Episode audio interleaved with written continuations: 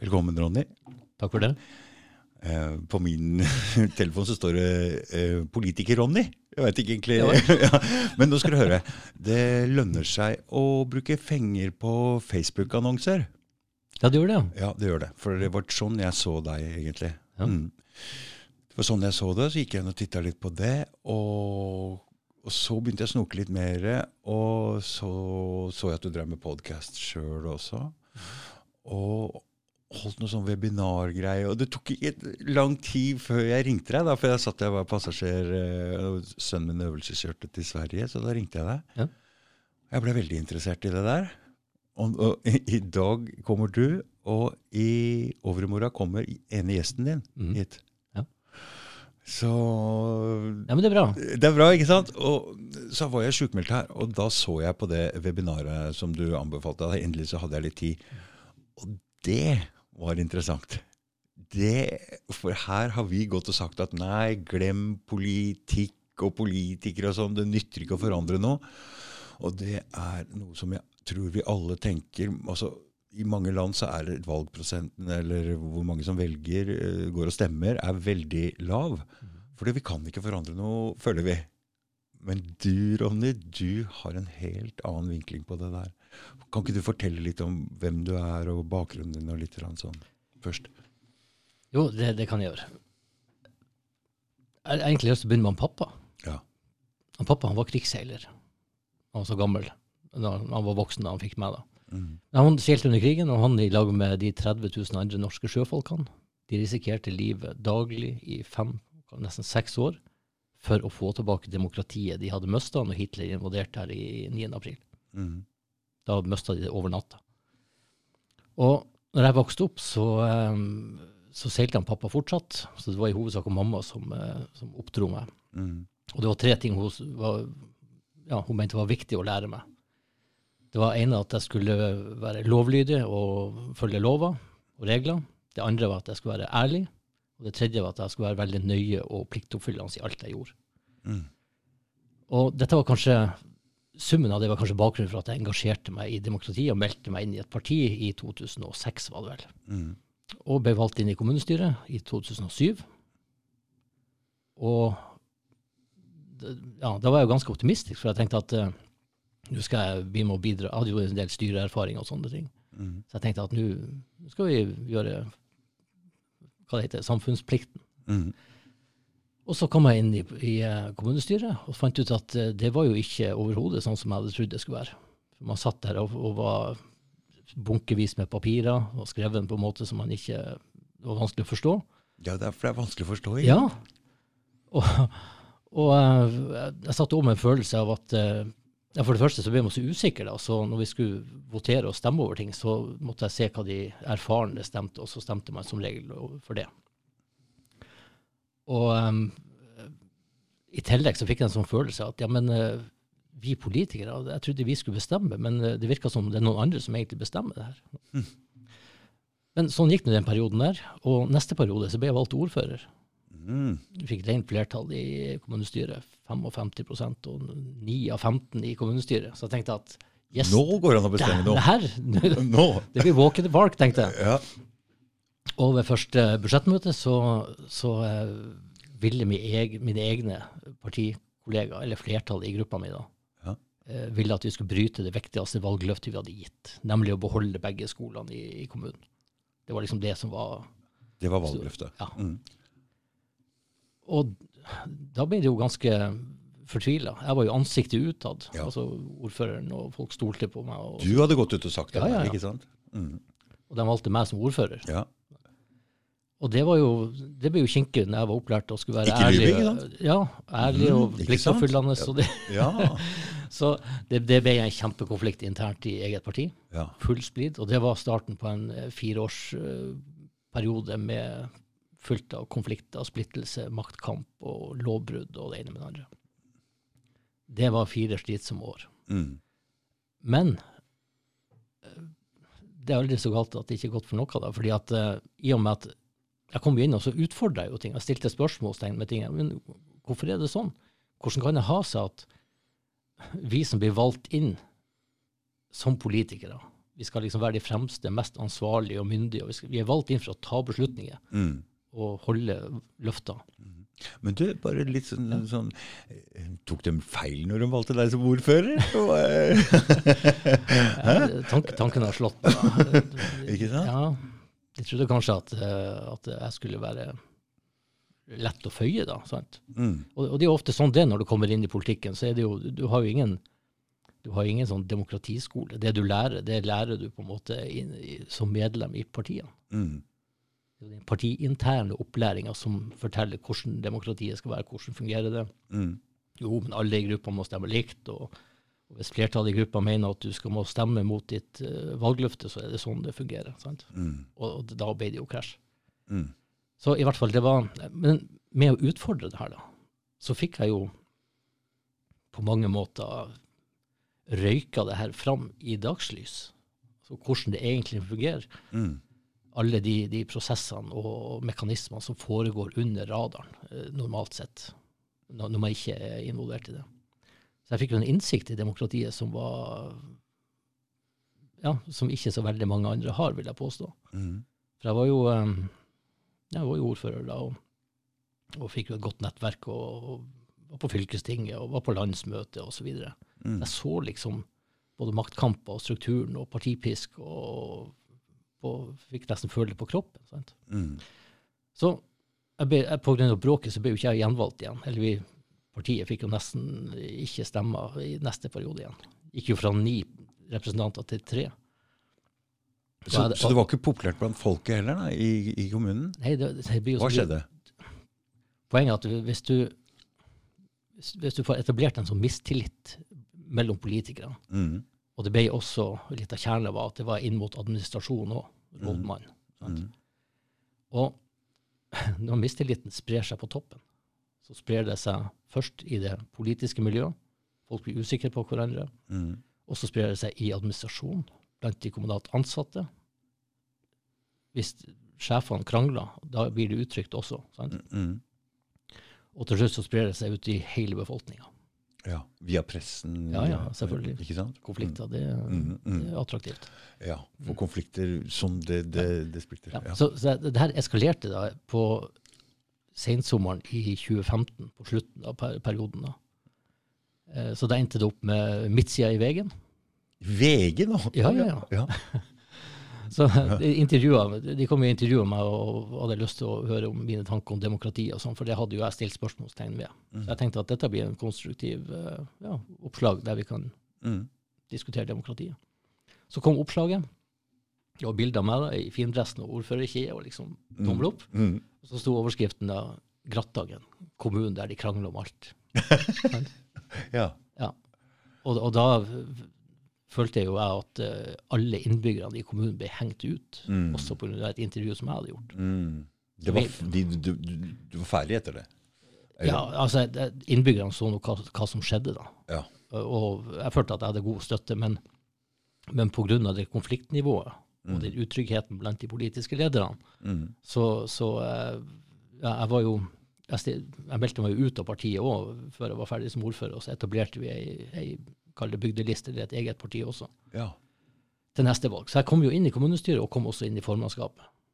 Som uavhengig? Nei, ikke som uavhengig, men som uh, på, på en egen liste, da, eller et eget parti. Eget parti, ja. Mm. Så det gjorde vi i løpet av noen måneder. Og så, uh, så satt jeg der i, eh, i den tredje perioden min, og paradoksalt nok så hadde jeg lært såpass mye og fått så mye innsikt at eh, jeg fikk jo jeg fikk gjennomslag for flere politiske saker enn jeg gjorde når jeg satt som ordfører med rent flertall. Ja. Og det sier noe om, om hvordan det fungerte da. Ja. Men i hvert fall, de, de årene der var kjempelærerikt. Men etter tre perioder så tenkte jeg at nei, eh, det, det har jeg ikke lyst til lenger. Så jeg sa nei til gjenvalg i kommunen. Og så gikk jeg ut. Og det, det, det var noen belastende år. Mm. Virkelig. Mm. Konflikt i fire år, det, det gjør noe med en. da. Mm. Så tenkte jeg at eh, hva kan jeg gjøre nå for at ikke det, det her skal være helt bortkasta? Med den innsikten jeg har, tenker jeg, det, det er vel det det skorter på. Så hvorfor kan ikke jeg prøve å formidle den ut til andre, Mm. både politikere, sånn at de skal bli mer trygge og sikre og lære av noen andre sine tabber, Mm.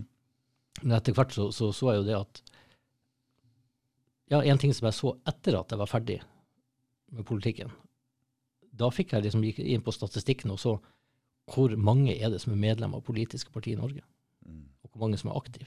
Mm.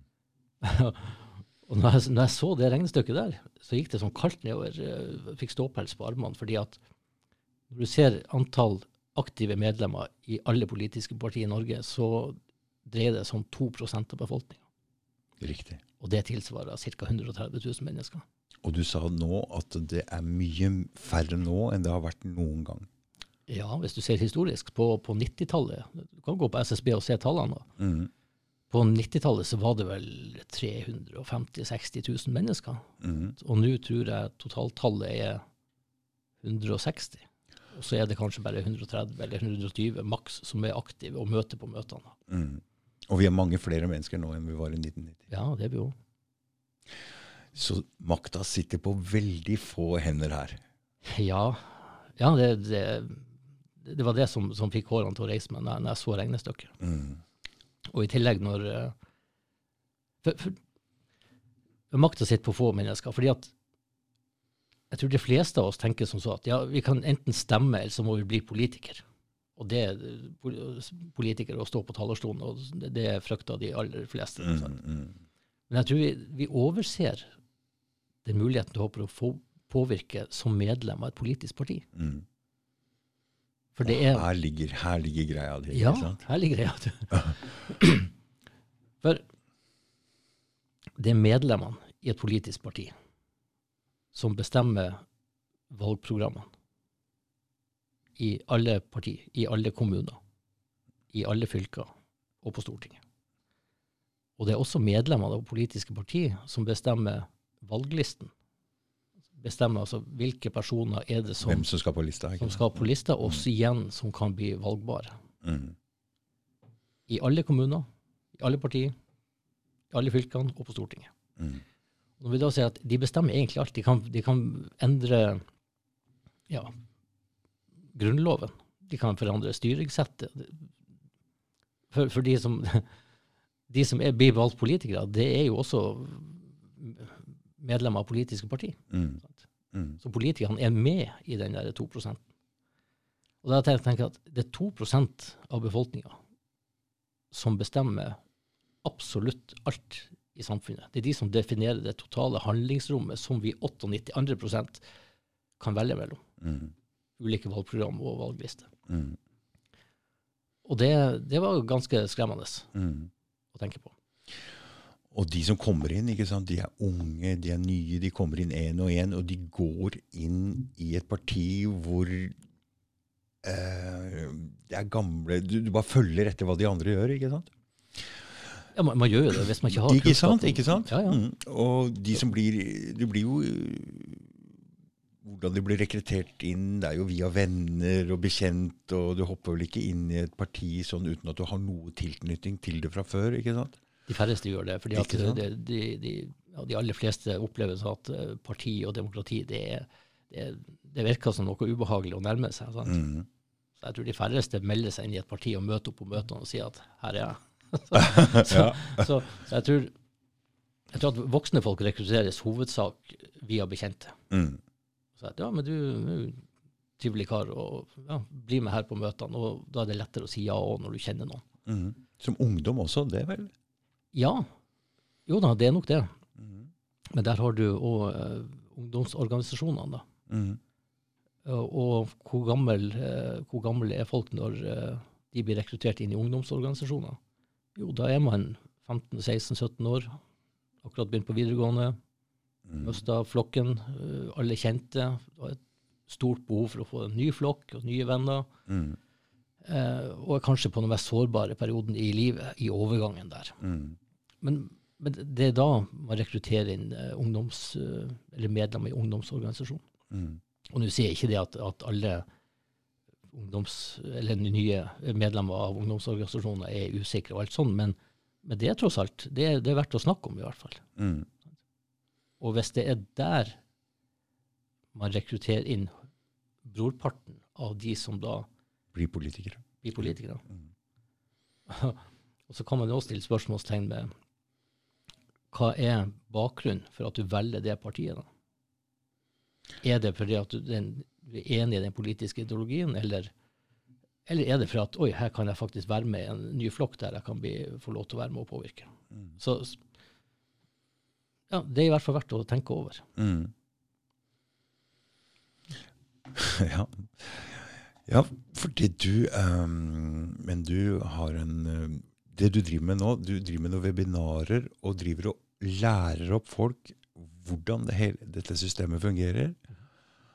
Og du har sagt til meg at uh, vi kan gå inn 100, Hvis vi blir en stor nok gjeng, så kan vi altså gå inn og forandre et parti sjøl. Ja, ja. Altså hvis du sier at den totale summen av aktive medlemmer i politiske partier i alle partiene i hele Norge, Mm. hvis det er 130 000 mennesker, Mm. så, um, så skal det jo bare 131 000 til for at du faktisk kan stemme ned eller stemme ut. Du kan bestemme alle nye valgprogram og alle nye politiske kandidater. Og du får alle po politiske posisjoner, så du kan egentlig snu helt opp ned på alt i samfunnet Mm. ved å få 131 000 inn da. Mm. Og nå har det jo skjedd noe spennende, eller spennende spennende, men det har skjedd noe litt sånn som vi kanskje kan forvente.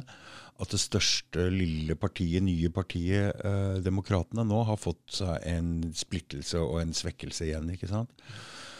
Så det å lage et nytt parti, det kan vise seg å være veldig vanskelig. Det er ikke veldig mange som har fått til. Det er Ikke sant? Så istedenfor å lage et nytt parti, så går det altså an å gå inn 50 000 mennesker inn i Arbeiderpartiet og forandre på hele Arbeiderpartiet. Ja, det tror jeg du har rett i. For jeg, jeg, jeg tror medlemstallet i Arbeiderpartiet er 45 000. sant? Ja. Så hvis 50 000 melder seg inn i Arbeiderpartiet, så kan du snu opp ned på, på det partiet. For det er flertallet som, som bestemmer. Og i medlems, altså det er medlemmene som bestemmer det. Mm. Men forutsetninga er jo, og det er jo litt derfor At, du jeg, kan, at du kan litt grann om dette her, ikke sant? for du kan ikke bare hoppe inn der. Nei, for Hvis du hopper inn, så, så blir du fortalt hvordan det blir. Og, og da blir du neppe fortalt hvordan du kan påvirke sterkt internt i partiet. Mm. For det er det du, du sier i stad, at du, um, det dere lærer er intern Hva sa du? Intern uh... Så den, den måten å lære om hvordan et uh, politisk parti fungerer, det lærer du når du blir medlem. mm. Da er det partiintern opplæring. Partiintern opplæring. Ja, ja. Mm. For så vidt jeg vet, så, er det ingen andre måter å, å lære det på. Det finnes ingen instanser. Det, det finnes ingen eh, partinøytral eh, demokratiskole, nei. eller det finnes ingen eh, Da jeg ble ordfører, så var det jo ikke noe, noe Så det ordførerskole. ordførerskole. nei, det finnes ingen skole sånn der eh, Hvordan kan du gå inn og forandre et parti? Nei. Nei. Og hvordan fungerer dette her? Det lærer du vil jeg påstå, det lærer du egentlig ikke i partiene heller, for der er all fokuset på hvordan kan vi som medlemmer øh, bidra til å fremme eller formidle partiet sitt syn, Mm. få gjennomslag for partiet sin politikk. Det er der hovedfokuset ligger. Og jeg snakka ut fra egen erfaring når jeg kom inn i partiet, for det, det gikk jo Som sagt, jeg var jo aktiv, jeg satt i kommunestyret en periode, og så ble jeg ordfører. Og etter to og et halvt år i ordførerstolen med det konfliktnivået vi hadde, Mm. så gikk det plutselig opp for meg. Tenkte jeg at jøss, er det sånn det fungerer? Ja. Da så jeg liksom veldig klart eh, hvordan demokratiet fungerer, og hvordan det egentlig kunne ha påvirka. Hadde du sett det hvis det var bare vært Det var seks og et halvt år inn som politiker, men mm. hadde du sett det hvis du ikke hadde vært ordfører på den måten Nei, nei. og ikke vært konflikter? Niks. Nei, det hadde du ikke sett. Nei, nei, nei. Så du har en veldig spesiell erfaring. Og det du driver med nå, det er jo å Du lærer Altså, du driver jo en skole nå hvor du lærer opp folk hvordan de kan gjøre dette her. Ja, jeg tenkte som så at, at hvorfor er det ingen altså det, det som jeg da visste etter seks og et halvt år, Mm. Så tenkte jeg at dette burde jeg ha lært mye før. Ja. Hvorfor, hvorfor kunne jeg ikke ha lært det? Det var ingen plass å lære det. Nei. Så tenkte jeg at ja, men kanskje det er mangel på kunnskap som gjør at så få engasjerer seg. Mm. For det er faktisk veldig enkelt å påvirke demokratiet Mm. i partiene. Hvis du, Det er veldig enkelt, ja. Hvis du har den kunnskapen som skal til, Mm. sånn at du ikke blir styrt av andre. Mm. For det var noe som mangla i det jeg sa i stad, om at eh, folk gidder ikke å velge lenger, og fordi stemmen din ikke er noe eh, verdt. Men inne som medlem så mener du at en, et medlem i et parti er verdt hvor mange stemmer? 250? Nei, altså det, det kommer an på hvordan, eh, om du tar du- på deg verv og hvor stort og mange medlemmer. Men og dette blir litt sånn lek med tall, Mm. men hvis du har en kommune med, med 1000 innbyggere, da, Mm. Så er hver enkelt stemmeseddel verdt eh, altså, En tusendel. en tusendel. Mm. En promille, da. En promille. Mm. Um, og hvis du tar et uh, parti som har si 25 av oppslutninga i kommunen, Mm. og så er det ti stykker som møter på årsmøte i det partiet, Mm. ofte er det ikke flere, Nei. så kan du si at ja, det er jo et regnestykke på det der. Men bare med å møte opp hver en av de ti på årsmøtet, som da kan påvirke 25% i kommunestyret, Mm. så vil det bli mange ganger. Og hvis du da i tillegg eh, sier ja til å være eh, leder av eh, programkomiteen, Mm. og det som programkomiteen eh, vedtar, det blir som regel også vedtatt av årsmøtet. Mm. Så da kan vi si at som leder av programkomiteen, hvis du vil ha saker gjennom, så, så får du det nesten garantert. da. Sant? Mm. Så kan vi si at den ene personen der kan få 25% innflytelse på, på, eh, på eh, kommunestyret Mm. med enkeltsaker. Mm. Og hvis du da ser det opp imot den der ene promillen, så tilsvarer det 2500 stemmesedler. Ok. Mm. Så som sagt, det er lek med tall, men, men eh, det, det viser på en måte hvor stor påvirkning man faktisk kan ha. Mm. Og dette varierer jo fra kommune og størrelse og alt det der, men, men Mm, mm, mm, men, men altså, Og dette her Nå er vi jo inne i en eh, periode i verdenssamfunnet så- som jeg føler at folk må gå inn og ta mer ansvar. Og dette er en måte å ta ansvar på. Og folk er drittlei. Det hjelper ikke hva vi stemmer. Alle de politikere de stemmer det samme hele tida, så vi kan gå inn og forandre. Jeg syns dette er veldig spennende. Og det du driver med, du, du, du driver med nå, etter det ene, ene podkasten eller webinaret jeg så, så driver du også og holder kurs nå. Ja. Du kurser folk i det her. Ja, det gjør vi. Tidligere, tidligere så har jeg kjørt kurs for kommunestyrer og, og har ordførernettverk for å utveksle erfaring. Men så tenkte jeg jeg skal, jeg skal lage et kurs for folk som ikke har kunnskap, som sitter og er frustrert og har meninger, Mm, og, men ikke har meldt seg inn i et parti og brukt den muligheten. Mm, Så nå har vi et femukerskurs som går på tredje uka nå, der du kommer inn, og så får du lært helt grunnleggende hvordan det fungerer. Hvordan mekanismene, hvordan, hvordan du som medlem kan gå inn i et parti, lese vedtektene og finne ut det. Og sånn og sånn. Jeg må møte opp på det møtet for å påvirke valgene av nominasjonskomiteen. Jeg kan gjøre sånn og sånn hvis jeg ønsker er misfornøyd med lederen i partiet. Altså, mm, Fokus på hvordan kan du påvirke internt i partiet. Mm. Men, men selv om du har det kurset, så er det bare sånn muntlig. Men er det noe sånn, får du med en sånn liten instruksjonshefte også, som du kan gå og bla opp i, sånn at du kan titte litt i, i etterkant, eller? Altså, det, er jo, det er jo videoer, Er videoer, ja. opplæringsvideoer, Mm, mm. der du får oppgaver òg. Ja, du får oppgaver også. Ja, ja. Mm. Så det er ikke bare å sitte og høre på. Nei, nei, nei. Men du får øh, videoer på fem til ti minutter lange videoer.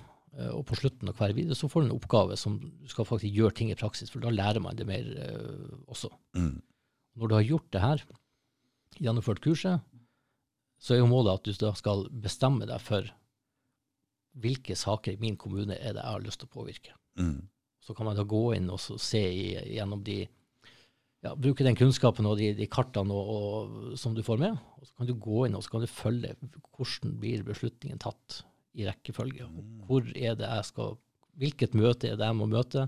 Hvilken sak er det jeg da skal stemme for? Mm. For å til slutt for å påvirke tidlig i prosessene. Da. Ikke sant? Så sånn går det an å påvirke dette samfunnet. ja, ja. ja. Ikke gjør det. sant? Gjør det. Det er veldig ikke sant? Ja, det er veldig spennende. For vi har jo nesten gitt opp det der politikerne. Så jeg hører folk nå bare politikk og bare Nei, politikere. Ja, ja. Men her er det håp. Ja, det er håp. Mm. Det, og så er det jo vanskelig å tro på det, fordi at uh, for min del så har jeg hørt i hele mitt liv at ja, men i Norge så har vi verdens beste demokrati. Mm.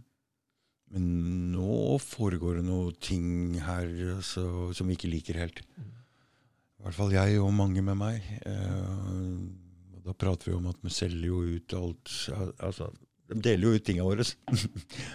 Men kan vi på... Altså ehm, Som et vanlig medlem, da. Hvor mange ganger i året eh, regner du med at du må stille opp på sånne møter for å få gjort noe?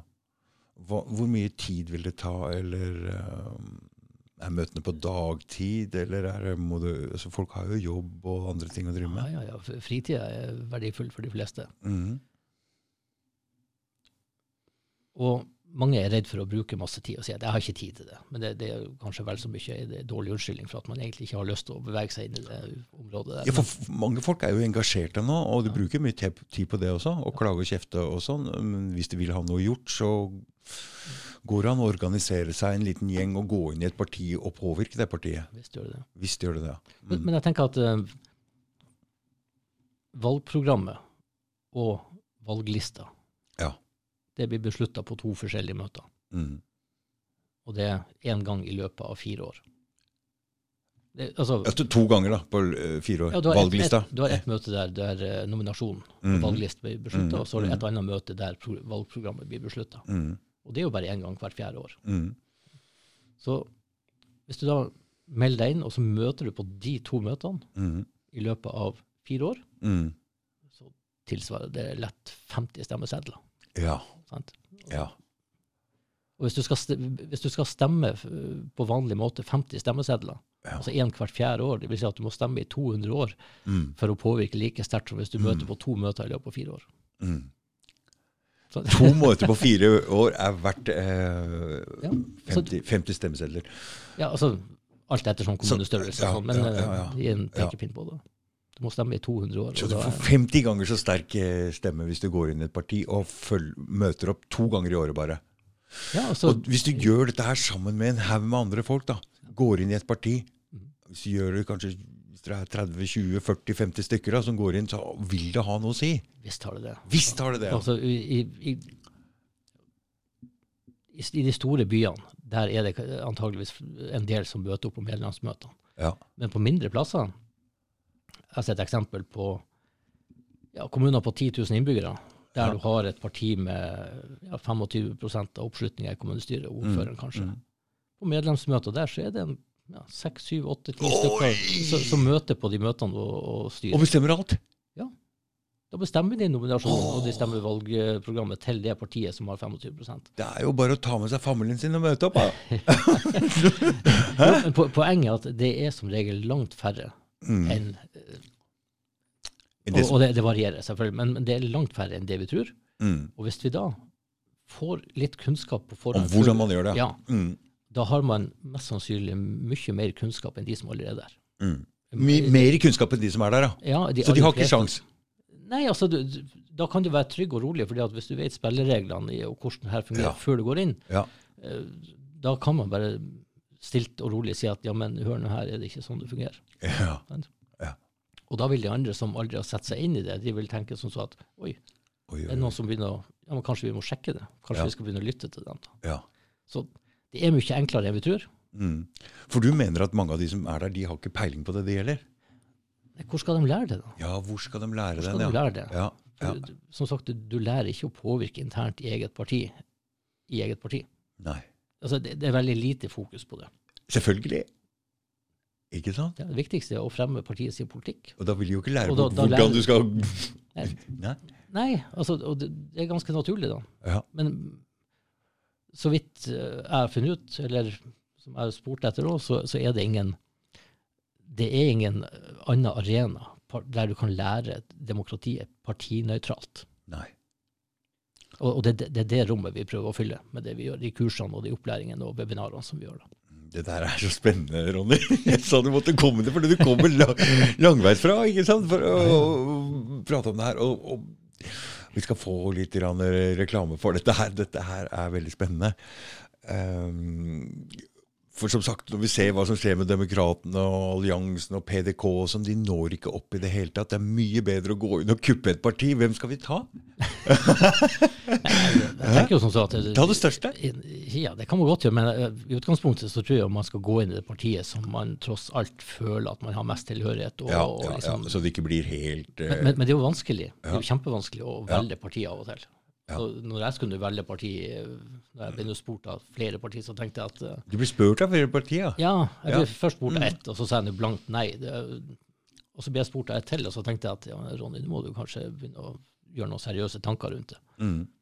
Og så gikk jeg inn og så eh, tenkte jeg, hvem skal jeg velge? Så gikk jeg inn på, på nettet, så vedtekten, leste om ideologi. Mm. tenkte at det er jo nesten likt alt sammen. Alle vil jo ha på en måte likeverd og valgfrihet. Og, Eh, Ja. så måtte jeg liksom gå en runde til da, og lese valgprogram og, og sånn. Fortsatt, og da var det liksom noen som skilte seg ut. Mm. Men det var kjempevanskelig å ta beslutninger. Så til slutt så, så måtte jeg gjøre sånn som stefaren min gjorde. Jeg var tolv år, han skulle kjøpe en kjeledress til meg. Og så sto han med en, eh, en svart og en rød kjeledress, så sier han Ronny, hvilke farger vil du ha? Og så sto jeg der og tenkte ja, det er vanskelig å bestemme seg. da. Sant? Og så husker jeg han sa det. Ja. Ronny, lukk øynene, og så ser du for deg at det er ingen andre i hele verden som, som, eh, som får vite, eller kan se deg i kjeledressene. ja.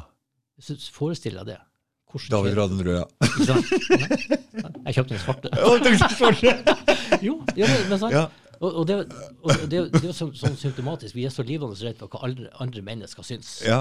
Og rett og å skille oss ut eller ha Ja, ja, ja, ja, ja. Så prøv å isolere det, og kjenn på magefølelsen. Ofte så tror jeg det partivalget ender opp med at du må faktisk stole på magefølelsen. Mm. Men følg den, da. sant? Mm. Og, og hvis man jo skulle melde seg inn i et parti og finne ut at nei, det her var jo feil, Mm. så, så dør man ikke av å melde seg ut og melde seg inn i et annet.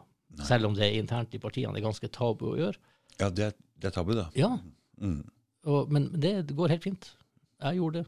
Meldte meg ut mens jeg var ordfører. Og, Mens du var ordfører, ja, ja. Mm. og etablerte et nytt parti og meldte meg inn. ja. Men fikk du lov å fortsette som ordfører da? Ja. Ja, som ordfører, det, er, er du valgt til det, så skal det skrekkelig mye til. For at eh, det er liksom ikke bare å velge en ny ordfører, for du er valgt for fire år. Mm. altså, du lagde skikkelig furore der oppe. Hæ? Jeg er en gammel uh, rocketrommis, da, så eh, det var kanskje det å utfordre det etablerte som, som jeg prøvde å gjøre òg. Men jeg mente at, som broren min bruker å si, altså rett skal være rett begge veiene. Mm. Og når vi nå går inn i, i engasjere oss, og har lova velgerne at vi skal gjøre det, så må vi òg gjøre det, og i hvert fall når vi har rent flertall. Mm. Da, da, da, da blir jeg ikke med på å gjøre noe annet. Sant? Og da ble det bråk. Så man utfordra det etablerte. Og eh, jeg sa vel også det underveis, at eh, det, det er altfor lite rock'n'roll i demokratiet. Det er for lite rom for å kunne på en måte ha ulike meninger. Ja, nå ser vi jo noe eh, andre tegn til at Rødt f.eks. ekskluderer alle med andre meninger, og nå blir det enda meningsrommet blir enda smalere, enda mindre. Det er ikke lov å ha andre meninger i det hele tatt da, Nei, enn i partiene.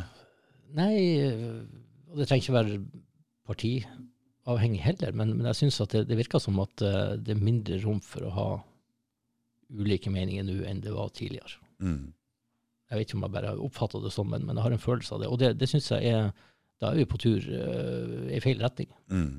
For alt det vi gjør da i, i søsken, i firma, og med opplæringa, så sier jeg at jeg bryr meg ingenting om hva, hvordan politiske syn folk har. Nei. Eh, Det viktigste er at vi må lære hvordan demokratiet fungerer. Og jeg syns det personlig, uansett om du er ytre den ene veien eller ytre den andre veien, Mm. og gjerne ekstrem òg, Mm.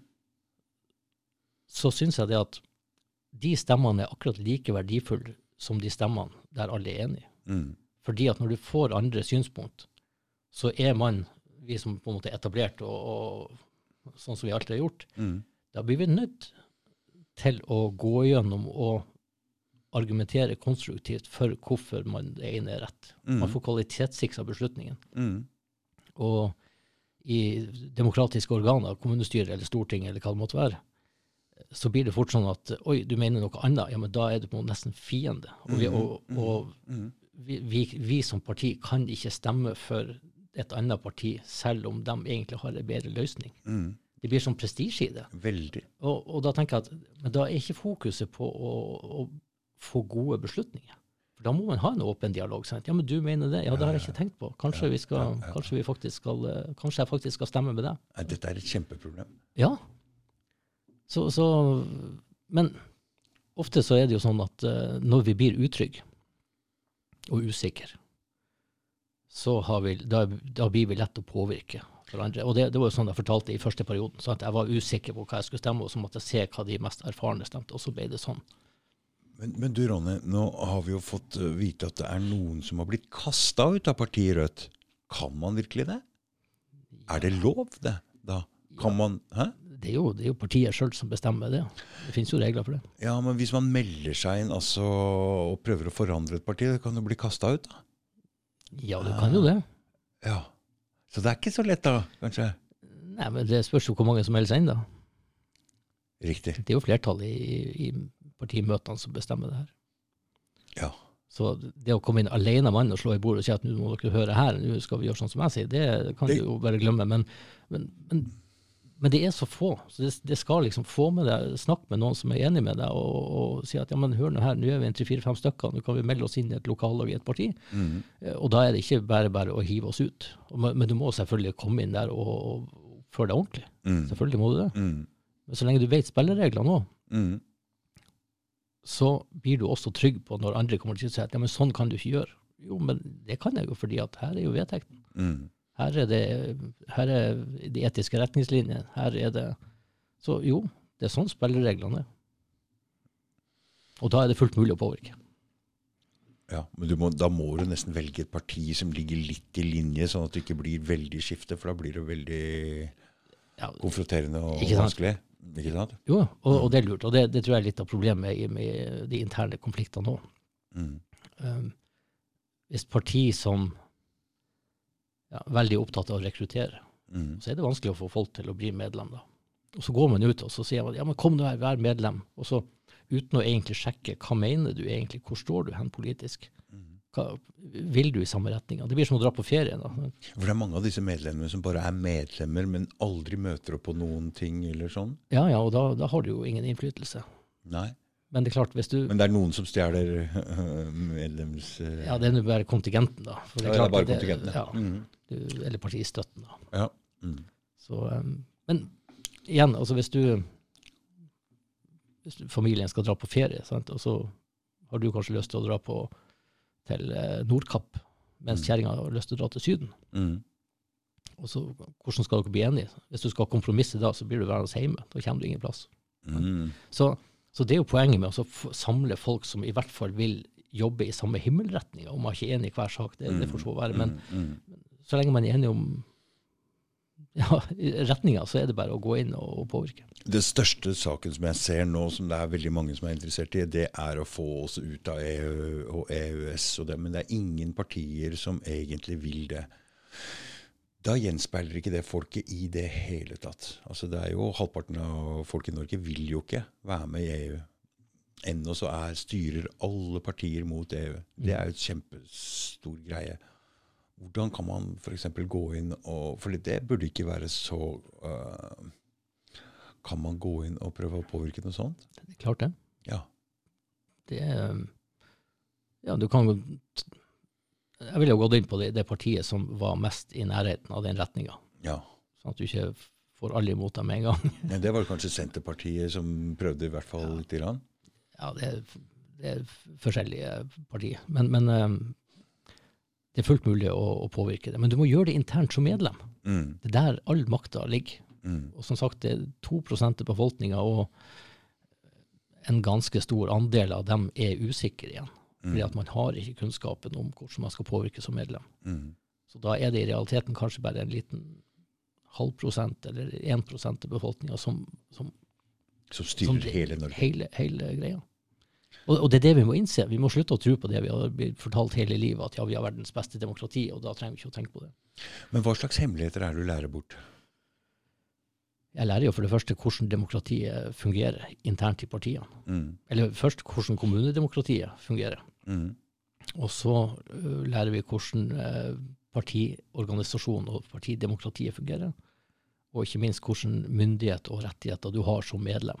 mm, Du har suverene rettigheter som, som taler, forslags- og stemmerett, blant annet. mm.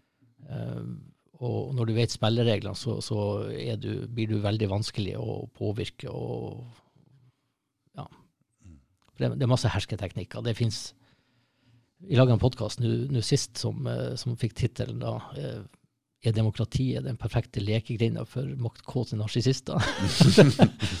det er kanskje litt eh, sånn spissformulert, men, men det er klart, det, det finnes masse altså Maktposisjoner, det tiltrekker seg folk som søker makt. Mm. Og det, det er det finnes massevis av politikere som har verdens beste intensjoner og er gode mennesker og alt. Mm. Men det finnes også en del eh, politikere som, som går over lik. Man, man bruker ulike eh, hersketeknikker for å gjøre andre mennesker usikre Mm. på seg sjøl og, og svekke deres troverdighet for at man sjøl skal fremstå bedre.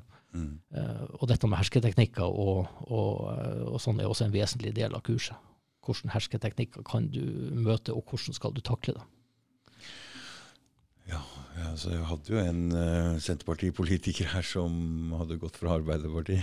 Så han sa han var, han var lei av alle allianser og alt det greiene. Det spillet det, som var der. Så når vi ser, vi ser på disse disse reality-seriene, hvordan det er hvordan det,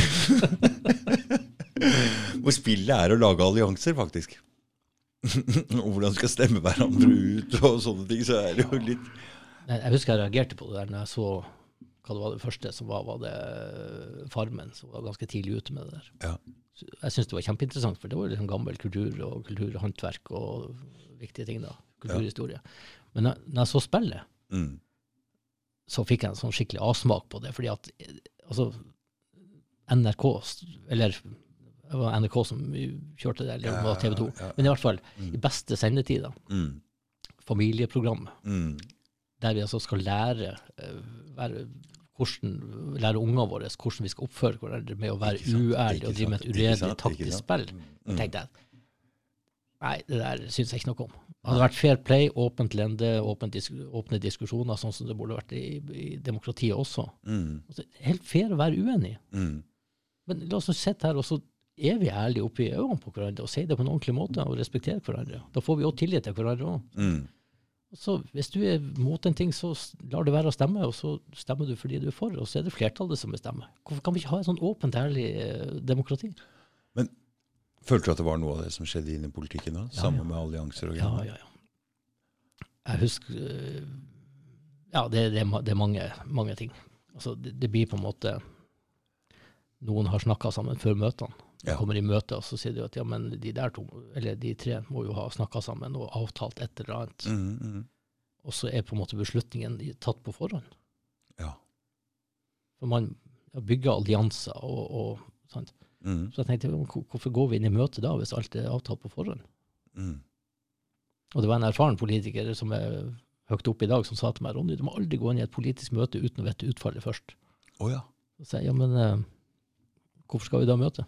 Hvorfor skal vi møte 15 stykker i kommunestyret hvis alt er avtalt? Da kan jo bare gruppelederne få med seg Så man går rundt og lusker på forhånd for å få vite hva folk skal stemme og bli enige og sånn? Ja, altså det, og mange mener at det skal være det, men da, da tenker jeg at da mister du og, og det er en ærlig oppfatning å mene at sånn bør det være. Mm. For da har du liksom forutsigbart. Da er du Men poenget mitt er at når, når man ikke tar debatten Åpent. åpent Mm. mikrofon, Ja, jeg er helt enig. og, og, ja.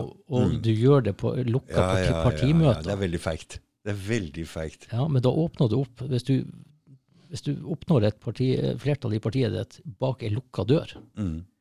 da er det kjempelett å bruke hersketeknikker og, Ja. og si at eh, ja, men hvis ikke, du, hvis ikke du stemmer med resten av gruppa her nå, så får vi en parlamentarisk situasjon, eller da ja, du veit aldri hva som har blitt sagt. Nei, du vet aldri det. Ikke sant? Så det er det jeg ønsker, at partimøte eller gruppemøter burde man egentlig ikke ha. Man burde, vi burde egentlig være så voksne at vi, vi går i kommunestyret under åpen kamera og mikrofon og sier at ja, men jeg mener jo det her, eller jeg lurer på, jeg lurer på i den saken. Mm. og svare.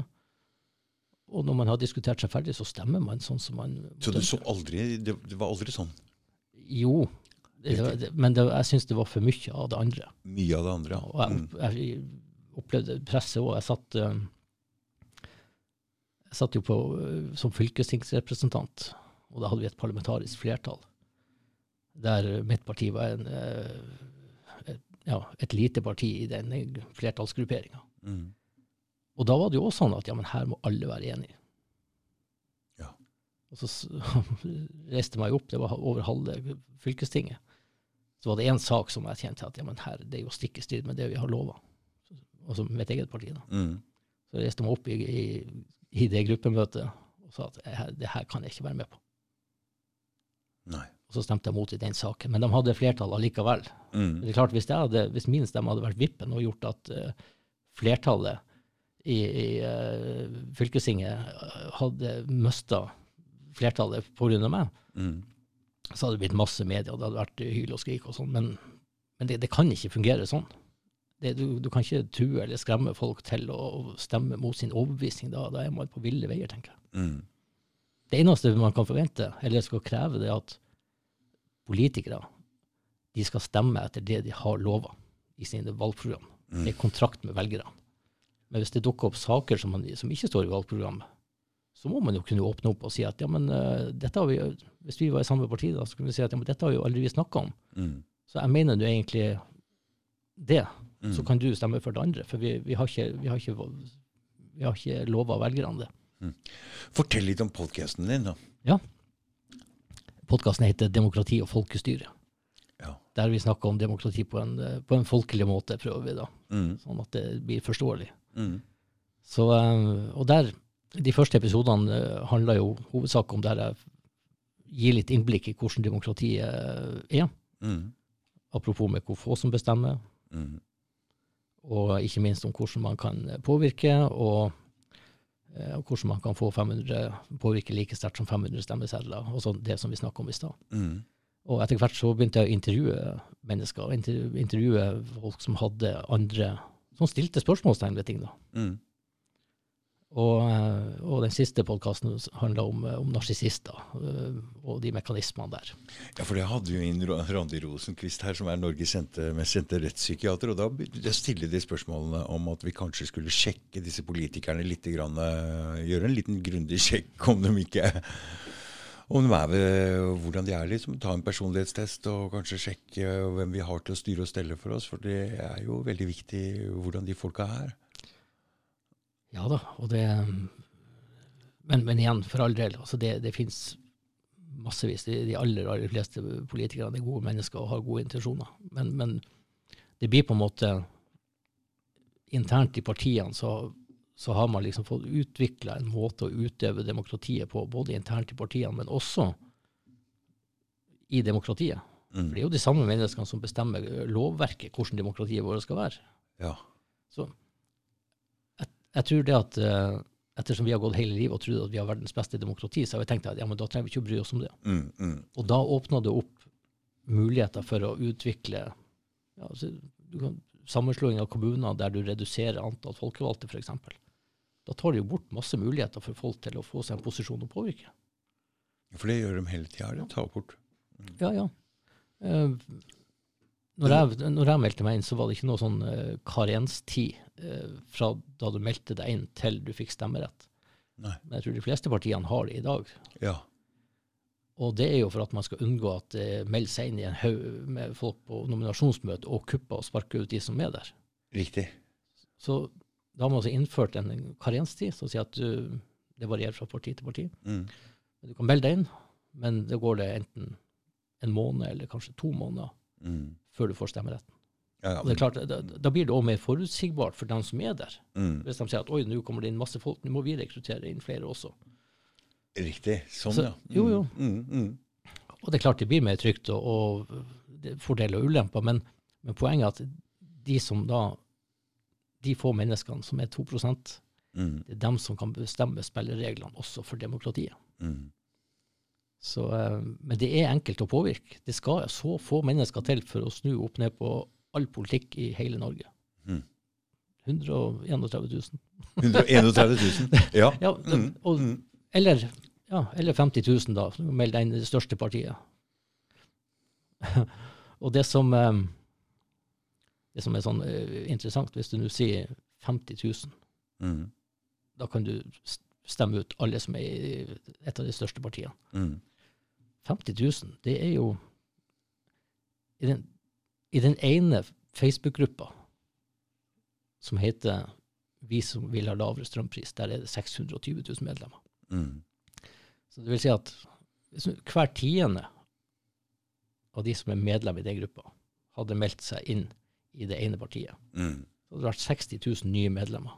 Og 60 000 medlemmer de er flertall overfor de 50 000 som allerede er der. Og de vil jo ha lavere strøm. Ja, ja, billigere strøm. visst ville de det. Så, det- Så hvis 10 av dem hadde gått igjen i Arbeiderpartiet, så hadde de fått lavere strøm, eh, billigere strøm. ja visst hadde de det. Altså, Har du sagt det til dem? nei, nei, men, men, Ja, jeg skjønner. ja, du skjønner. Mm, mm. Men vi går liksom bare og tror, da.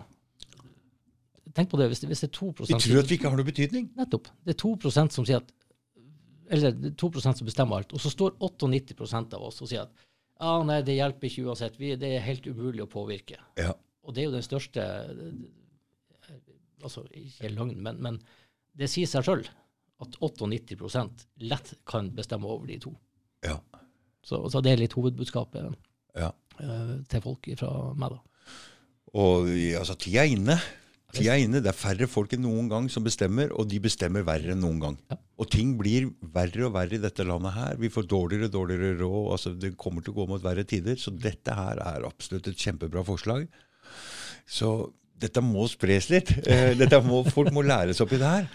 Ja, Det er mye enklere enn vi tror. Det er mye enklere. Ja. Vi prater om to møter på fire år for å påvirke eh, den nominasjonen av folk og, og valgprogram. Og, og det er bare, du, du trenger ikke å si et ord engang. Det er bare med å bruke handa. Jeg stemmer Ja, for det eller imot, Og hvis du da legger fram et annet forslag enn det som valgkomiteen har kommet med, Ja. og begynner å argumentere for det, og sånn, så, så, så får du enda større påvirkning. Mm. Så det Nei, det, det må um, Hvor mange podkaster har du hatt, forresten? Eh, Det er vel tror, syv episoder. Syv episoder. De- Ligger de på Spotify, eller er Ja, de ligger, på, YouTube? de ligger på Spotify, de ligger på YouTube og Google og Apple Pod. Og, ja, ja, ja, ja, ja, ja. Ikke Facebook. Nei, jo, det tror jeg faktisk de ligger på Facebook-sida vår, så det er lenge til podkasten. Ja. Mm. Jeg ligger ut på alle tre sjøl. Ja, ja, ja. Bruker Anchor, ikke sant? Ja, det bruker jeg ikke, men eh, Nei da, men det er eh, Nei. Vi må bare legge bort den barnelærdommen om at det er helt umulig å påvirke, for det er det, og det er mye enklere enn vi tror. Mm. Og det her handler jo også om å ta ansvar og bli voksen. Og prøve og det er som du sier, Hvis vi tror vi lever i verdens beste demokrati og alt er i orden, så er det greit. Mm.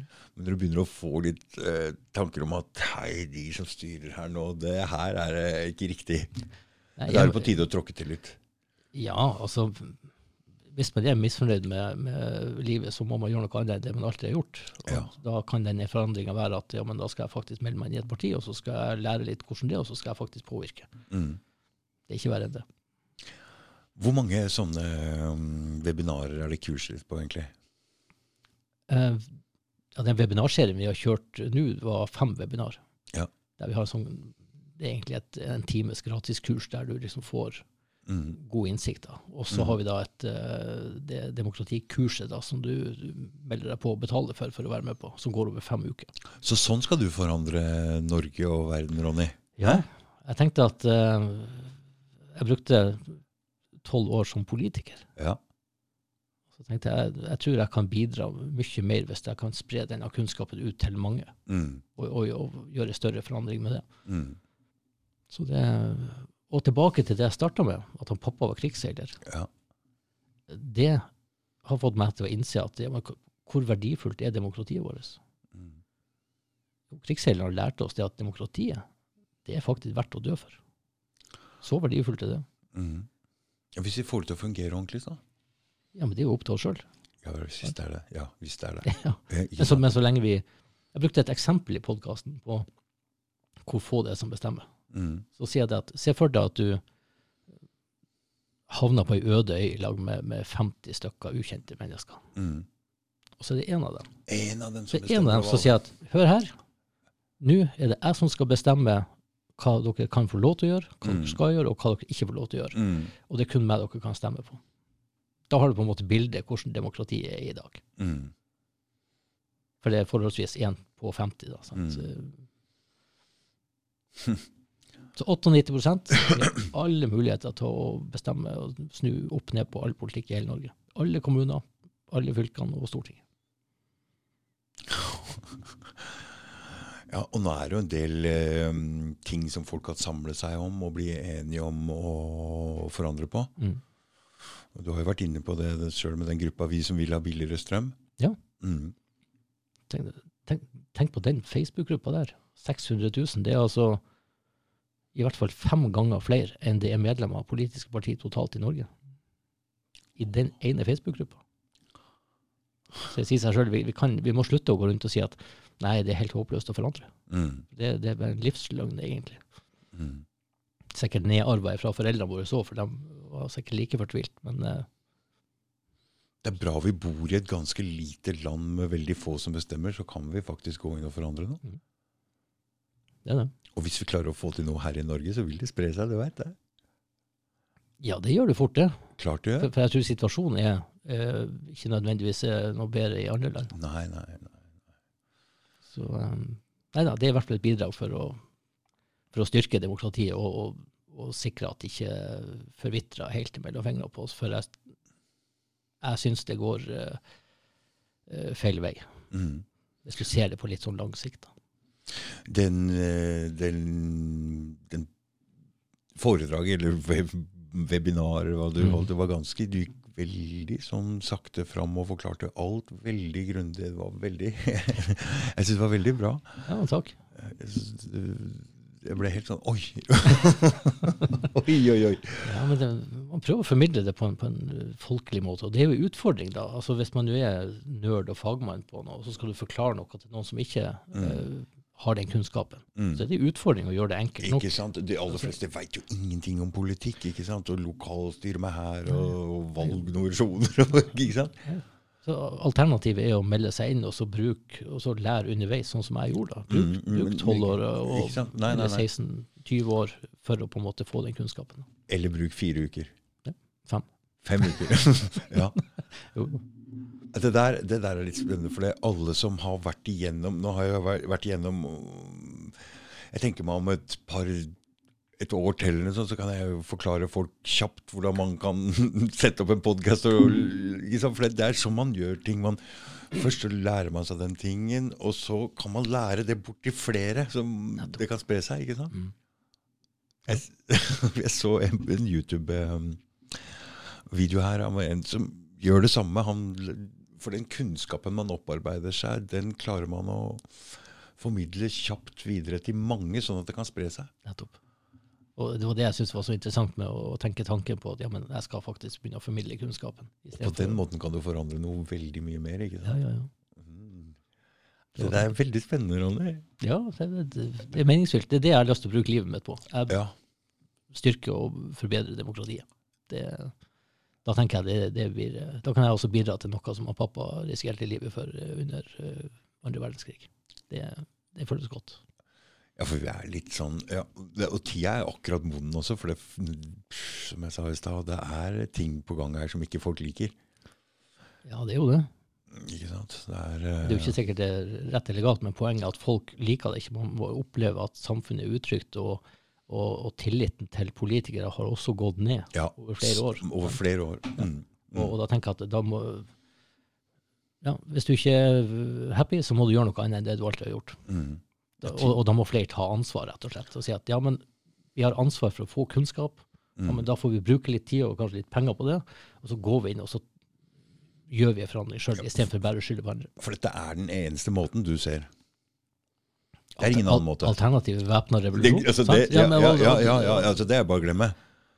ja, Og nye partier ser vi vanskelig. ja, det det er en utfordring da, med det. Mhm, Men, mhm. men det, det er fullt mulig. Men det er klart, når du skal samle en masse folk inn i et nytt parti, Mm. eh, det er relativt enkelt hvis du har en enkel sak som enten drivstoff eller bompenger. Eller Ja, ja, men du ser jo, de får ikke til de ordentlig heller. Nei, for utfordringa blir det at ja, vi er enige om den saken, Mm.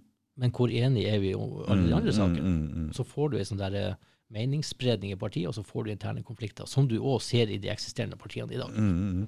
Nå så vi jo et ganske lite parti som Rødt eh, fikk en del stemmer nå ved siste valg og ble ganske stort. Men nå ser vi at det splittes opp.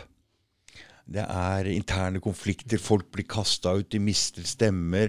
Er det gjort med vilje, eller hva er det? For det er, er, det, er det krefter som vil splitte Rødt, eller hva tenker du om det? For at, eh, de har jo fått mye makt nå, eller en del makt som de ikke har hatt før, og det er jo folk som ikke liker det. Jeg tror kanskje eh, Eller er det altså, bare sånt som skjer automatisk tilfeldig, at det vil skje når et lite parti vokser seg til et stort? Nei, altså, det, det som jeg har erfart i, ja, i, eget, eget parti, holdt jeg på å si, og som jeg ser i andre, det er litt det jeg snakka om i stad. hvis Det er om å få flest mulig nye medlemmer. Og så er man ikke kresen nok, eller man kvalitetssikrer ikke nok. Hva er det de nye meninger eller medlemmene ønsker? Mm. Ønsker de egentlig totalt sett det samme som vi, eller er det bare den ene saken mot EU eller et eller annet som penger? Og så kommer det inn, og så mener de faktisk noe helt annet, og så får du den der spliden Mm. i gruppa. Mm. Og, og da, da får du de konfliktene, og så blir det maktkamp, og så får du oppslutning, og så blir det enda mer attraktivt å bli leder, og så videre. Så får du Men Arbeiderpartiet, som har vært det største partiet sånn opp gjennom alltid, eh, de hadde jo nesten to fraksjoner inni partiet sitt også, det, det, og det levde de ganske godt med. Ja, men det, det, det tror jeg de fleste partiene har. De har det, Ja, for det er klart, øh, en gruppe mennesker, så har du, en- du har noen ytterpunkter Mm. internt i partiet. Da. Men er ikke det ganske bra å ha?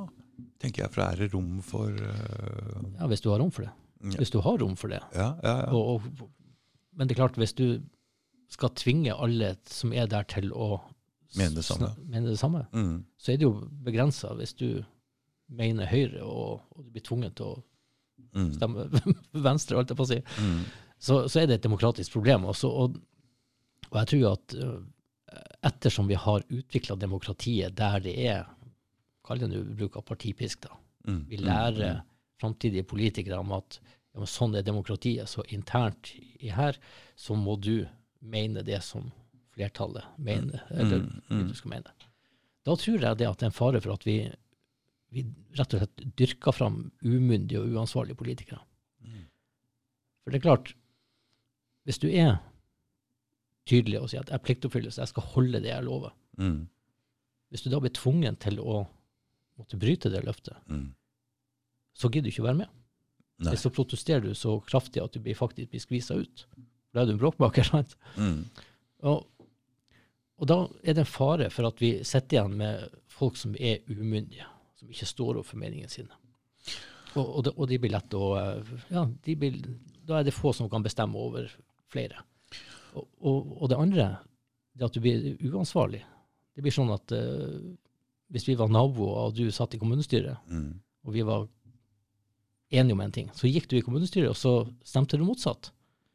Og så kom du her med postkassen, og så sier jeg, hva hva du tenkte på? Du stemte jo motsatt av det du egentlig sa til meg. Mm. Så kunne du egentlig bare trekke på skuldrene og si at ja, men beklager, Ronny, jeg er helt enig med deg, men jeg måtte bare bøye meg for flertallet. Da blir det også umulig å ansvarliggjøre politikerne nå, Mm. når, når det blir sånn. Mm. Så, så faren er at vi dyrker fram umyndige og uansvarlige politikere, og det er jo det stikk motsatt vi et demokrati trenger. Da skal vi ha de mest myndige og de mest ansvarlige folkene i tet. For nå ser vi jo politikere, de lover, men det er jo bare piss. Ja. Ja, At de kan stå og si Men det, det ville ikke du, Ronny. Det ble for vanskelig for deg å stå som et parti ansikt utad og love en ting, og så stemme for noe annet. Ja. Det gikk ikke. Nei. Nei, det, og det går ikke an. Jeg mener at det går ikke an å gjøre. Nei, Og etterpå komme fram på og vise seg fram igjen med samme smil igjen, og si noe igjen. Hvordan skal folk stole på deg? En mann, du veit hvordan en mann må være. Det han sier, Hvis han sier en ting, så må han gjøre det. Et ord, Ua, mann, ja, mann. sånn, så får du heller tenke deg om neste gang før du sier noe. Ikke sant? For det er ikke alltid det du sier er Noen ganger jeg måtte gå og gjøre ting som kanskje ikke var så veldig bra, men jeg hadde sagt det, så måtte jeg gjøre det. da. Ja, ja. Og så får du heller tenke deg om neste gang du sier noe. Uh, vent litt. eller lover noe, eller sånne ting. Det er det som kjennetegner en mann. Det er det jeg mener. Og hvor er disse mennene hen som står for det de sier? Nei, altså, jeg er enig med det. Som sagt, jeg ble oppdratt til til å holde avtaler og være til å stole på. mm, Så prøver vi jo alle så godt vi kan på det, da. Men, Mm. men eh, det er noe grunnleggende eh, som jeg stusser på med demokratiet. mm. De fremste av de fremste, de mest myndige og ansvarlige lederne. Det er de vi vil ha til ledere. sant? Klart det er det. Klart det. Men, men, men, men som du sa, vi opplever at i veldig mange tilfeller, også stortingsvalg, så sier vi at ja, men dere, dere sa en ting, men dere gjorde noe annet. Og det skjer uansett hvem vi stemmer på. Mm. Eh, da blir det utrygt. da. Mm, veldig. Ja. Og det skaper politikerforakt og politikerhat, omtrent. Ja, det gjør det. Og det er ikke bra. Nei, det er ikke bra i det hele tatt. Og, og det, det blir sånn i, i, jeg fortalte om i, i kommunestyret da jeg var ordfører, at til slutt så mista innbyggerne tilliten til oss som satt og styrte Mm. og tok beslutningen. Mm. Og det ser vi jo litt sånn eh, nasjonalt også, med at eh, hvis tilliten går ned til våre stortingspolitikere, Mm. så blir det frustrasjon, og folk blir veldig utrygge. Kan ikke du fortelle litt konkret om den situasjonen når du sa at dere skulle stemme for å ha begge skolene, men hva var det som gjorde konflikten der? Er det, blir det for helt feil og vanskelig å gå inn i, kanskje? Nei, altså det, det, det var flere ting som skjedde der, og både jeg og andre gjorde feil, da, men som gjorde at det, vi fikk den der eh, mistilliten internt i partiet. Ja. Men jeg tror hovedproblemet var det at Ja, hvordan skal jeg si det enkelt? Årsaken til at noen mente at vi skulle bryte det valgløftet, Mm. var at man hadde gjort, styrt kommunen på den måten i alle år.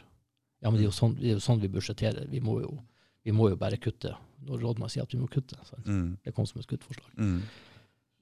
Uh, og jeg mente at ja, men de viktigste løftene må vi opprettholde, da må vi gjøre det på en annen måte. Og så blir det jo utrygt og ubehagelig. Vi må kutte tjenester, det har vi alltid gjort, og, og sånn. Og så, og så desto høyere konfliktnivå blir, desto vanskeligere blir det å finne felles løsninger, og, og kloke løsninger. Da. Så em, Nei, altså det, det, det er litt vanskelig å gå inn i detalj. Ikke sant, det blir vanskelig fordi det er penger og ditt og datt. Ja, og så er det nå partikollega, eller tidligere partikollega. Riktig, riktig. Det er ikke vits i å prate om. Nei, nei, det- Nei, jeg bare tenkte på hva, hvor, liksom, hvordan det skjer. Sånn, Men, men, konkret. jeg, men jeg tror kanskje noe av det viktigste det er at vi hadde ikke samme kunnskapen om hvordan man politisk skulle styre. Vi hadde heller ikke samme eh, oppfatninga av rolleforståelsen. Hva politikere var, og hva rådmann var. Det hadde Nei. vi ulike oppfatninger av internt. Hva er rådmann? Rådmann er daglig leder i kommunen. Daglig leder. Ja, og kommunestyret er styret i bedriften. Ja. Men hva er ordføreren? Ordføreren er styreleder. Mhm. Du er leder for styret. Og det, mm. derfor er det ikke ordføreren som skal stå øh, ved rattet. Man sier at politikerne skal ha handa på rattet hele tida. Mhm. Men rådmann, hvem er, er det han blir valgt, han eller? er Nei, det? nei, nei, nei, Det er ansatt ad- øverste administrative lederen i kommunen. Du heter det jo kommunedirektør og Så han, han bestemmer egentlig? Eller? Det er Hvis du er en bedrift, da, Ja. så har du bedriftsstyret. Mm. Så ansetter du en daglig leder mm. som kan ansette og organisere bedriften. Mhm. Desto mer styre, detaljstyre den daglige lederen, mm. desto mindre kan du ansvarliggjøre den daglige lederen for. Mm. Si seg sjøl. Mm. Du må jo ha litt handlingsrom, men samtidig så må styret være tydelig på hvor er den skuta her skal i framtida. Ja. Så du var styreleder, ordfører? Ja, og det var sånn jeg så på det òg. Ja. Men det er klart det- Men rådmann, han sitter for alltid, eller er han er ansatt? Nei, ansatt? ansatt. Ansatt. eh, Ansatt. Mhm. Så eh, begynner jeg få litt sånne greier Du vet når um, noen prøvde å forklare meg hva deep state var, så er det liksom de i Washington som alltid er der, som er ansatt i staten. Mens politikerne kommer og går. Mm. Og det er klart at det er jo Der er jo, blir jo en konflikt, og de som har vært der hele tida, de har jo veldig mye peiling på hvordan det er. ikke sant? Og de politikerne kommer inn som en fireårsperiode er helt nye og helt ferske. Det er ikke så lett for dem å forandre noe da, når den andre kolossen sitter der og Nei, altså det, det er jo et begrep det med byråkrater og byråkrati, at det er vanskelig å forandre på. Ikke sant? Rådmannsvelde er et annet begrep. Ja, så det er, det er kjent, det, den, den, den maktbalansen der, Ja, på en den, måte. og den utfordringa der. Og, og jeg opplevde det jo sånn, igjen, når jeg tenker tilbake når jeg kom inn, jeg, både i kommunestyret og, og som ordfører. Mm. Vi hadde jo ikke fått noe opplæring på forhånd. Nei. Vi kunne for lite. Og, og um, vi hadde egentlig for lite styrekompetanse i kommunestyret. Ja. Og da, hvis man har hatt det over mange år, så sier man det at ja, men eh, vi får jo høre på hva administrasjonen sier, for de vet best. Mm. Altså, du setter det litt på spissen, men det er litt sant i det òg. Ikke sant? Ja, denne saken må vi høre hva rådmannen sier. Mm. Så foreslår rådmannen noe, og så vedtar vi det. Mm. Men hva er da vitsen å ha et styre? Nei. Da er det jo på en måte de ansatte som legger, legger føringen, Mm. og ikke de politikerne som legger føringen. Så der, der er litt sånn kjerneutfordringer som, Ikke som, som jeg også snakker om i, de i, i politikeropplæringen. For det, her kan det fra før, og det er vanskelig å komme Så inn som er ganske uerfaren og ikke kan ordentlig greiene som politiker. Så Ja. det er en stor maktfaktor, egentlig, de ansatte i Ja. Ja, altså det det er, det er nok mange politikere, så, sånn som jeg fortalte om i første perioden, så satt jeg og følte at ja, men det er jo vi politikere som skal bestemme, men vi, vi sitter jo på en måte trengt opp i et hjørne og, og eh, handlingslamma og Mm. bunn med hendene på ryggen. Og, og krangler dere imellom og har ikke ordentlig peiling på hva dere driver med? Og, og vi skal sitte og liksom saldere budsjettet og si at hvor flytte noen titusener der, Mm. istedenfor å si ja, men hvor, hvor er skuta vår på vei hen? Ja. Denne kommunen her, eh, hvis du ser det på som som en cruisebåt, Mm. Ja, ja, ja. Mm. og, og innbyggerne er passasjerer. Mm. Så Vi ønsker jo å ha full båt og Mm, mest mm. mulig penger inn. Men det første folk spør om når de skal gå om bord med en båt, det er å si at ja, men hvor, hvor ender den båten her? Ikke sant? Sant? Så i kommunestyrene så, så bruker jeg å si det at dere måtte, kommunestyret må ta et valg. Skal denne, dette cruiseskipet skal det gå på et iskaldt og risikabelt cruise i, øh, i Antarktis, eller skal det gå i et solskinnscruise i Karibia? Det er det styret som skal bestemme. Mm. Men du dro en annen uh, greie her med den Nordstjerna. Ja. For Ta den en gang til, det var veldig fin. Ja. For det er også båt... Uh. Ja, det er er oppvokst langs kysten vet du, og glad i båt, så det, det blir litt sånn. Men, men jeg syns bildet på Nordstjerna er et, et godt bilde. For det som et styre skal fokusere på, mm, det er jo visjon og strategi. mm, Og de fleste av oss har, et, har ikke noe særlig forhold til visjon. Ja, visjon, en ønskedrøm, og ja, vi kan vedta det, men eh, det er jo helt, det, er jo, det når vi jo aldri. mm, Før vi fikk eh, kart, sånn eh, elektriske eller digitale kart på bå- båtene, mm, og i gamle dager, så navigerte sjøfolkene etter stjernen. Og et av en av de viktigste stjernene, det var Nordstjerna. mm, For det er den eneste stjerna som står helt i ro på samme plassen hele tida når jordkloden snurrer. Stella Polaris heter hun. mm, Polstjerna. Men i hvert fall, når sjøfolkene i gamle dager skulle seile nordover, så fant de Nordstjerna på himmelen. Så styrte de båten sånn at masta pekte rett opp på Nordstjerna. Da visste de at de var på rett kurs. Og så var det selvfølgelig sånn, hvis det kom en båt i møte, eller du måtte svinge unna et skjær, så måtte du eller legge til land noen dager for å vente på godt vær, mm, så måtte du selvfølgelig gjøre det. mm, Men så lenge du hadde Nordstjerna i toppen, så var du på rett kurs. mm, Og en aller viktigste, som hadde bilde på visjon, du, du er helt sikker på at du kommer aldri til å nå fram til Nordstjerna. Så lenge du har mastetoppen så du på, og styrer etter den, så er du på rett kurs. Det er et veldig fint bilde. Ja. ja. Og, og det samme man å tenke også politisk, når man sier at ja, men hvor er det denne skuta, hva skal vi styre etter? Mm, Jo, da må vi definere eh, ei framtid som er positiv og trygg for, for alle vi skal lede. mm, Og ja, det blir noe som er uoppnåelig, Mm. men så lenge vi styrer etter det, så er vi på rett kurs. mm. Og det er på langt sikt så tar du alle de dagligdagse problemene Ja, og de ja, ja. små tingene etter hvert, og du styrer mot det. Sant? Du må Mhm. ha en, en kurs i framtida, og ikke bare si at ja, men, ja, men Hvis ikke så eh, er det helt håpløst. Hvis du ikke har noe kurs. ja, altså, Jobben til et styre er å styre. Mm. Sant? Det er dit vi skal. Styre, ja. Mm, visst er det. Ikke stå til rors hver dag, for det kan, det kan rådmannen gjøre. Sant? Men det er den kursen vi skal ha. Og det er din jobb å sørge for at vi kommer dit så fort som mulig, billigst mulig og tryggest mulig, at uh, båttur blir mest mulig behagelig for innbyggerne våre. Ja, for det der har jeg sett på som en sånn du greier sjøl, at det er bare om å holde i roret. Det er ingen som veit hvor den båten skal hen. Nei. Og desto mer konflikter og det, det er et annet bilde på det. før. Desto mer konflikter det blir, desto mer det, det, desto mer det brenner rundt føttene på oss, Mm, eller desto mer ulendt terreng det er, mm, desto mer går vi og ser ned på bakken. Desto nærmere flammene kommer, desto Mm. mer går vi ned. Mm, Når vi går og ser ned i bakken, så har vi ikke peiling på hvor vi egentlig havner. mm. Og det, er- og det er styrejobb nummer én. sant? Ja, ja, men dette er sånn det første du lærer når du går på får en ball mellom, hendene, mellom beina der nede på fotballbanen nå. Så er det bare om du må se opp. Ja. Når du lærer å sykle, også. Ja. Hvis du ser på framhjulet, så, Ja, så nei, og det, det samme gjelder når du lærer å kjøre bil og alt mulig. Du må se langt fram. Hvis ikke det blir bare tull. Veit ikke hvor du er, veit ikke hvor du skal. Nei, du vet ikke hvor du havner. Og da er det lett for andre å kunne Ja, men da tenner vi på en liten brann der, for da har politikerne fokus på det. Og ja, men eh, Mm, da er det andre som styrer isteden. ja. Og dette er litt kjerna i, i politikeropplæringa som, eh, som vi òg formidler. Mm.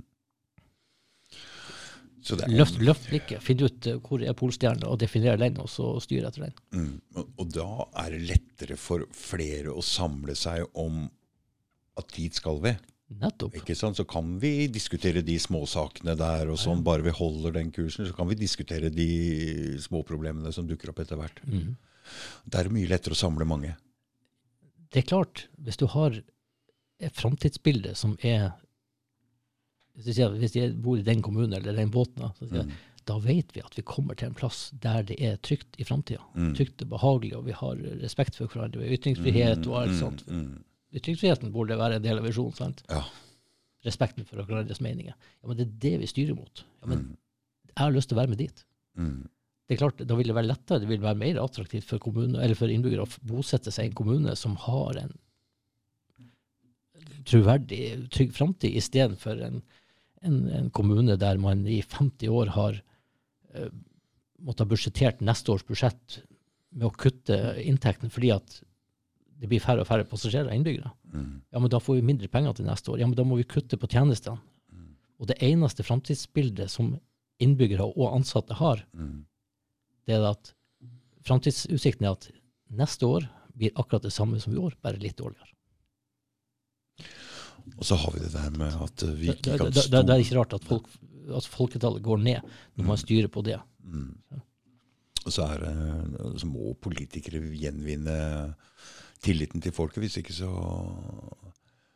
Og da må de slutte Det må valgløfter holdes. De må i hvert fall forklare Altså, du må Du kan ikke stå og lyve lenger, for det, går, det er ingen som vil tro på det.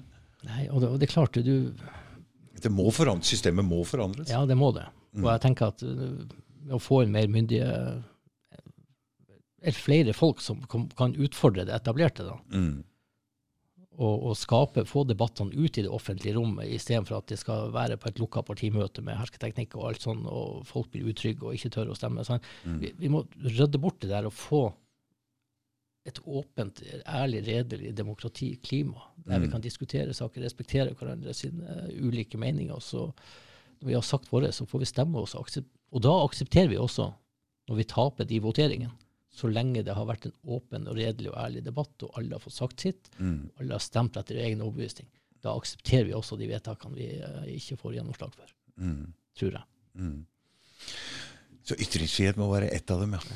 Helt klart. Mm. Ytringsfrihet er hele, hele grunnlaget for, for et uh, demokrati. Mm. Det er ikke noen som kan bestemme hva du skal måtte mene øh, eller tørre å si eller spørre om. Altså det, ja, Du sa noe interessant her nå. Det hadde vært en spørreundersøkelse blant unge om at 50, over 50 ikke tør å si hva de mener. mm. Altså, det var en øh, undersøkelse jeg så på nett her i, i dag, faktisk. Mm. Og, og det gjelder ikke bare de unge, for det nå er det vanskelig å ha meninger som ikke er allment akseptert. For det nå er det veldig sterke Jeg kaller det propaganda, ting ute og går. Det har vært i et par år allerede. Over to år. Det har vært veldig vanskelig å ha andre meninger enn de som er allment aksepterte. Mm. Så vi det snudde litt i den koronagreiene her, altså, men nå er det jaggu med det samme igjen. Det er ikke lett å mene noe. Så det er veldig farlige tider, eller vanskelig, rare, spesielle tider vi er inne i nå, som gjør at vi ikke tør å si Det, det er jeg vet ikke. Vi passer på hverandre, da. Men media styrer dette her.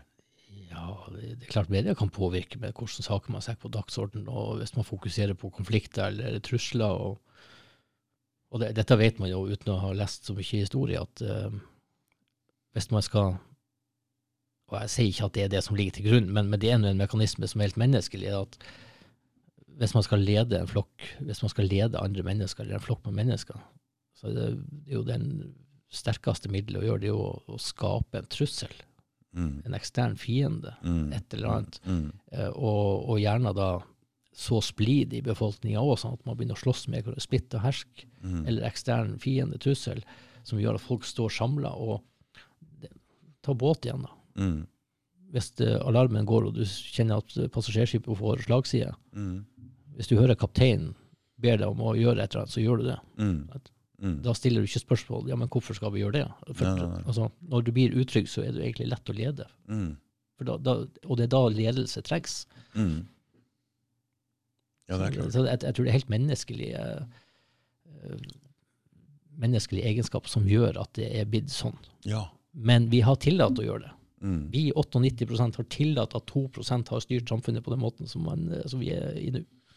Så det du mener at mm, under koronasituasjonen så ble det altså, skapt en så stor frykt at vi måtte gå sammen om å Det var det som egentlig gjorde at vi de ikke, ikke med noe annet. Det var farlig eller sånne ting. Og det samme nå med en trussel om en slags krig. Så er det det samme, og det er en helt menneskelig, naturlig ting. Jeg tror det at vi er opprinnelig så er vi Hvis du tenker noen titusen år tilbake, så, så levde vi på Gikk med sånn dyreskinn rundt oss med treklubber og Mm. steinalderen. Mm. Og da var trusselen rovdyrene. Mm. Og eneste måten å beskytte oss på var at vi sto samla. Mm. Ryggen mot hverandre og forsvarte hverandre. sant? Mm, mm, Og, og Mm. jeg tror det er så, så banalt som det. Ja. At den flokkmentaliteten, mm. eh, når det blir uttrykt, så flokker vi oss sammen og står sammen. Problemet mitt er jo at jeg ikke tror på det greiene der. Så da blir jeg ikke noe redd. Nei, ok. Du, tror ikke- på at det er noe rovdyr? Nei, jo, rovdyr tror jeg på, men jeg, tror ikke på, jeg trodde ikke på det andre greiene. Det ble helt feil for meg, både covid og den derre Putin-varianten her. Den her altså, jeg, den, eh, men det er klart at eh, faren for en eh, krig er jo til, til stede nå. Um, altså hva det eventuelt blir. Men eh, jeg er ikke veldig Jeg klarer ikke å bli redd. Nei, men poenget er at uh, Dessuten så ser jeg andre farer ved samfunnet også. Jeg ser den totalitære greia. At det ikke er lov å ha andre meninger. og sånn. Det, det er en større trussel enn eh, en eventuell hva det skal bli ut av en krig. Jeg tror, ikke den, jeg tror ikke det blir noe krig i den forstand. Jeg ser mer det totalitære, ensretta meningsgreia som en stor trussel. Altså, at det at vi ikke tør å si meninga vår, det, Ja, det det I hvert fall når vi ser resultatene av å ta noe covid. da. Jeg sier ikke at det ikke var farlig, og, men når du ser det i sammenheng, så ser jeg nok òg at den begrensa ytringsfriheten, eller økende redselen for å si meninga, er en betydelig større trussel enn covid viste seg å være Mm. for samfunnet. Ja, nå hørte du hva vi sa her oppe i stad, at den podkasten som blir gitt ut i dag, eh, det var liksom sånn Å, kanskje vi blir sensurert og sånne ting. Og bare den tanken For vi sier ingenting gærent i den podkasten. Det kommer med noe kritikk av et system som vi ikke syns er greit, og så skal vi kanskje bli sensurert pga. det. Vi vil jo bare det beste sjøl òg. Vi vil jo forandre ting. Vi vil ha det bedre. Vi ser at det er noe som er gærent, og så påpeker vi det, og så skal vi kanskje bli redde for å bli sensurert. Det, Ja, det- blir Altså, det I Norge. Det, det er en merkelig Ikke sant? Det er merkelig å tenke på, faktisk. Ikke sant? Men du ser jo det med Facebook, og jeg Ja. sett mange som har lagt ut ting som har blitt sensurert bort. Og, og, Ja. og, og igjen er jeg nå der at uansett hva du måtte mene, så er det verdifullt i en debatt. Mm. Vi må bare respektere hverandre. Mm. Og hvis en er totalt uenig med en annen person, så, så Hvis ikke jeg klarer å, å argumentere saklig for min mening, hvorfor det jeg mener er bedre enn den andre, Mm. Så tenker jeg da har jeg jo et dårlig argument. Nei, altså hvis vi skal få et fullt, hvis vi skal få et fullt uh, syn på ting, så trenger vi mange forskjellige vinklinger på det. Ja. Fordi vi sitter ikke med hele den fulle uh, sannheten, eller vi, det Nei, nei, nei. våre altså vi, vi trenger forskjellige meninger. Det er, jo, det er jo det som er gullet. Det er jo alle Ikke de sant? ulike Det er det vel. Det er det vel. Det er det som, er, det, er det som gjør ting bra. Hvis alle mener det samme, da begynner det å bli farlig. Det er farlig. da. Da er det Da farlig. er det farlig. Ja. Ikke Ulike meninger, kvalitetssikrer Ja, syn, at du ja, kan reflektere ja, ja, ja. og så ta en beslutning. Dette her skulle vært opplæring på TV.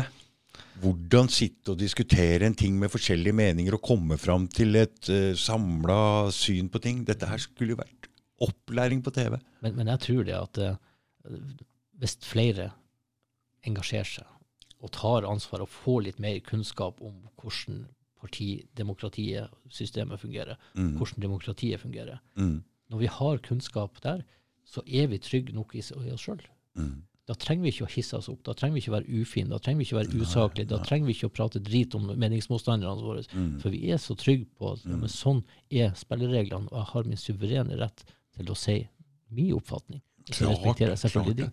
Altså, du, du vil styrke eh, demokratiet og, og eh, meningsutvekslingsklima mm. hvis vi er litt trygge på hverandre. Og, og, det er det vi må gå inn og rydde opp innenfra, både i mm. partiene og, og i nå, nå, og nå prater du om face to face. Det er der alt bør skje. Ikke bak ryggen, ikke ja, ja, ja. bak sånn skjulte samtaler, men også nettdebatten. Altså jeg, Nå sitter jeg og leser kommentarer og krangling og sånn, og jeg holder meg bare så langt unna som jeg kan få blitt. For en super... For, nå Folk avslører seg så jævlig, syns jeg, med å, å, mene så sterkt om ting som de Altså, jeg Jeg, jeg, jeg syns det er så avslørende om folk. Når, når jeg ser hva, hva, slags kommentarer og sånn folk legger ut her nå. Det er um, 70% av dem veit ikke hva de prater om, og de mener så sterkt og er så sinte at det går an Jeg lurer på om de sitter og drikker altså på kvelda og legger ut disse kommentarene. For det, halvparten av dem er så dumme at jeg, jeg blir helt matt. Eh. Men, men, tror du ikke mye av de, de der harde kommentarene og, og, de der virkelig skarpe ytringene mm. Tror du ikke de kommer pga. at folk i utgangspunktet er For det første er de utrygge fordi at man stoler ikke på lederne våre. Kanskje. Og for det andre at man er fortvilt og frustrert fordi at uh, vi vet ikke hva vi kan gjøre med det. Vi stoler mindre og mindre på lederne våre, men vi, vi, vet bare ikke hva vi skal gjøre med. Og da blir du desperat, uh, og da blir man uh, redd. Og når man blir redd, så blir man sint, og så mm. bruker man store ord. Mm. Det kan vi jo ta med våre ja, egne unger når ja, vi blir provosert. Ja, vi, vi, blir jo ikke sint for å være ondskapsfulle, men vi blir faktisk sint når vi blir redd. Mm. Jeg, jeg, tror det er en del. og, og så så lenge samfunnet har gått så lenge som det har gjort, folk har vært eh, ja, utrygge over tid, mm. så tror jeg at de, de, debattene vi får eh, også på Facebook, er et resultat av det. Mm. Men nå er folk eh, veldig, jeg tror ikke folk hadde sittet sånn og snakka til hverandre rundt et bord. da. Nei, sånn som de snakker nei, på nett. Ikke. ikke sant? Det er veldig Jeg syns folk skal holde seg til hvis du ikke kan si det face to face til folk, så syns jeg folk skal holde seg for gode til å kaste sånn, den, det klimaet som er på nettet nå. Det, det er ikke veldig fint. Men våre, hvis våre ledere Hadde gått foran som et godt eksempel, ja. Så hadde det kanskje vært eh, mm, mm. Vi, Man vet jo at det, det skjer ufine ting med, på, bak lukka partidører. Mm. Gjør det overalt. Mm. Eh, og, og ungene våre de gjør jo ikke det. Vi, de oppfører seg jo ikke sånn som vi, skal, vi ber dem om å gjøre. De oppfører seg jo sånn som, sånn som vi, faktisk sånn som vi gjør. Mm. Og det er lederoppgave mm. som foreldre, men også som politiker. Ja. Så Derfor er det også viktig at vi på en måte får, har fokus på å forbedre demokratiet. Mm. Sånn at lederne blir trygge på hverandre, at vi kan få en konstruktiv debatt og være gode forbilder også på det området der, mm. tror jeg. Mm. Så vi skal forandre verden, Ronny? Ja. Og det er mye enklere enn vi tror. ja. Nei um, Du skal sove her i natt, eller? Ja, jeg er ikke boka noe hotell, jeg, så Ja, det er bra. Uh, er det noe du har lyst til å, som vi føler at vi ikke har snakka om? Du? Nei, jeg tror ikke det. Nei, altså vi kommer jo til å legge ut link til webinaret ditt og dette her, og det syns jeg absolutt folk må få med seg. fordi jeg tror det er sånn vi må forandre det. Når jeg ser de småpartiene som går i fillebiter, nytter ikke. Altfor vanskelig. De flyr rundt og skal samle noen overskrifter. Og hvis vi klarer å samle oss om noen få, eh, som den polarstjerna, som noen få ting, mm. som altså vi vil jo, Det er jo bare å pinpointe en tre-fire ting som vi vil ha i samfunnet, og så styre mot det. Så må dere gå an å være enige om de tinga, og så ta de små tinga som stikker ut her etter hvert etterpå. Jeg har en liten historie om akkurat det der. Mm. Fordi at um, i det momentet når vi satt og diskuterte om vi skulle legge ned den skolen eller ikke, Mm. så husker jeg vi sa det at vi er nødt til å bestemme hvordan kommunen skal være i framtida om 10 år, om 20 år. Ja. Og da var det en av de erfarne som sa det at ja, men det er jo helt håpløst å vite hvordan kommunen er om 10-20 år. Så sier jeg ja, men det er jo nettopp det Det det sitter her for. det, det, det er derfor vi skal bestemme det. Ja. Og én ting er i hvert fall helt sikkert. Det er det at dette behovet for mennesket å bli sett og respektert og verdsatt, føle seg trygg på at man blir respektert og alt sånt, det vil jeg vedde alt jeg eier og har på at det vil være akkurat like viktig om 10 år, om 20 år, om 50 år, om 100 år. Så hvis vi kan lage en framtidsvisjon ut ifra de verdiene der, f.eks., så har du jo Polstjerna, Mm. eksempelvis. Mm. Og det er jo derfor de visjonene blir sånn, ofte blir sånn svulstige. Jo, men alle skal bli respektert. Ja, men vi kommer aldri til å nå dit. Nei, men hvis du styrer etter det, Mm. så er vi på rett kurs. Og det er en annen ting med det med de to skolene også. Det signaliserer veldig dårlig nytt for kommunen hvis den ene skolen blir lagt ned. Det signaliserer vi blir færre og færre folk, det her blir dårligere og dårligere. mm, Fraflytting, sånne ting. ikke sant? Bare signalet det vi gir. Framtidsutsikten, eh, Og, som jeg sa, og, tilliten, og tilliten til politikere også samtidig. Ja. Så det å holde det man lover, og lage en positiv greie for lokalsamfunnet altså De tinga taler jo for at du skulle beholdt begge skolene. Ja, ja. For nedbygging og sånn, det lager dårlig Ja, Jeg er jo helt klinkende klar på det at det hadde vært fullt mulig å gjort i dag. Fordi at den prisen vi måtte betale pga. det tillitsbruddet, mm, og den spliden vi hadde i befolkninga på bakgrunn av det vedtaket for å Mm. spare 1,5 million neste år, mm, eh, det var det definitivt ikke verdt. Nei. Så, så eh, Men det er klart, folk blir livredde og frustrert når eh, politikerne i september på valgdagen lover én ting, og så kommer man i desembermøtet eh, samme år og gjør noe stikk motsatt. Mm. Og det med, ja, ja, både det å miste tilliten til politikere, og det at du tar bort en skole som gjør at ok, vi blir færre og færre her, det er fraflytting. For det er vel det som er problemet ute i distriktene. ikke sant? Ja, og en, en av hovedproblemene med at det skjer la oss si i desembermøtet, fordi at oi, nå mangler vi eh, 1,5 million til neste år for å få budsjettet i balanse. Mm. Da må vi kutte kostnader, ja, men da legger vi ned en skole. Mm. Og en, en skolestruktur eh, det, det vil si at hvis budsjettmøtet er i desember, Mm. så vet egentlig ikke de kommunalt ansatte om de har jobb 1.1. eller ikke, for å sette på spissen. Mm. Det er neste års budsjett vi legger. Mm. Og det er klart, da blir det uforutsigbart. Hva gjør det med arbeidsmiljøet, i eh, Mm. Mm. tryggheten for de ansatte? Mm. Og de vet at vi vet ikke før budsjettmøtet i desember Mm. hvem av oss som egentlig har jobb til neste år. Mm. Og hva skjer det med da? Hva skjer i et arbeidsmiljø Mm. hvis du hele høsten skal gå og lure på å grue deg til Mm. ja, du, Du ser ut andre muligheter. du tar, Nei, ja. Eller så må du i hvert fall passe på at ikke du som får. Du må i hvert fall gjøre sånn at du sjøl fremstår sånn at du ikke mister jobben. Mm. Det er klart det, det bidrar til splitt og, og dårlig arbeidsmiljø. og Det. Mm, ja visst gjør det det. Å ja, det gjør det. Ja, Det skjønner jeg. Ja, det er Mm. logisk, det. Ikke sant? Baksnakking og dritt og opplegg. Og, Og igjen helt menneskelig og naturlig. Mm. Men det er en konsekvens av at politikerne går og ser framfor skotuppen sin for at det brenner der, for vi mangler litt penger til neste år, istedenfor å løfte blikket og si at det er dit vi skal. Mm. Langsiktig perspektiv, ansvarlig ledelse, trygg framtid. Hvordan er det oppe i Distrikts-Norge sånn? Du, bo, du sa du hadde utsikt over sjøen. Det er jo en naturressurs. Ja, flott. Hæ? Ja, ja. Gå ned i fjæra og fiske middag hvis man vil. Men du vil ikke gå inn i noen politiske saker, men hva er egentlig Fordi man vil jo beholde folk øh, i distriktene. Og hvordan er egentlig situasjonen oppi der med fisker og kvoter og ting og tang? Og, jeg vil ikke gå inn på det i det hele tatt.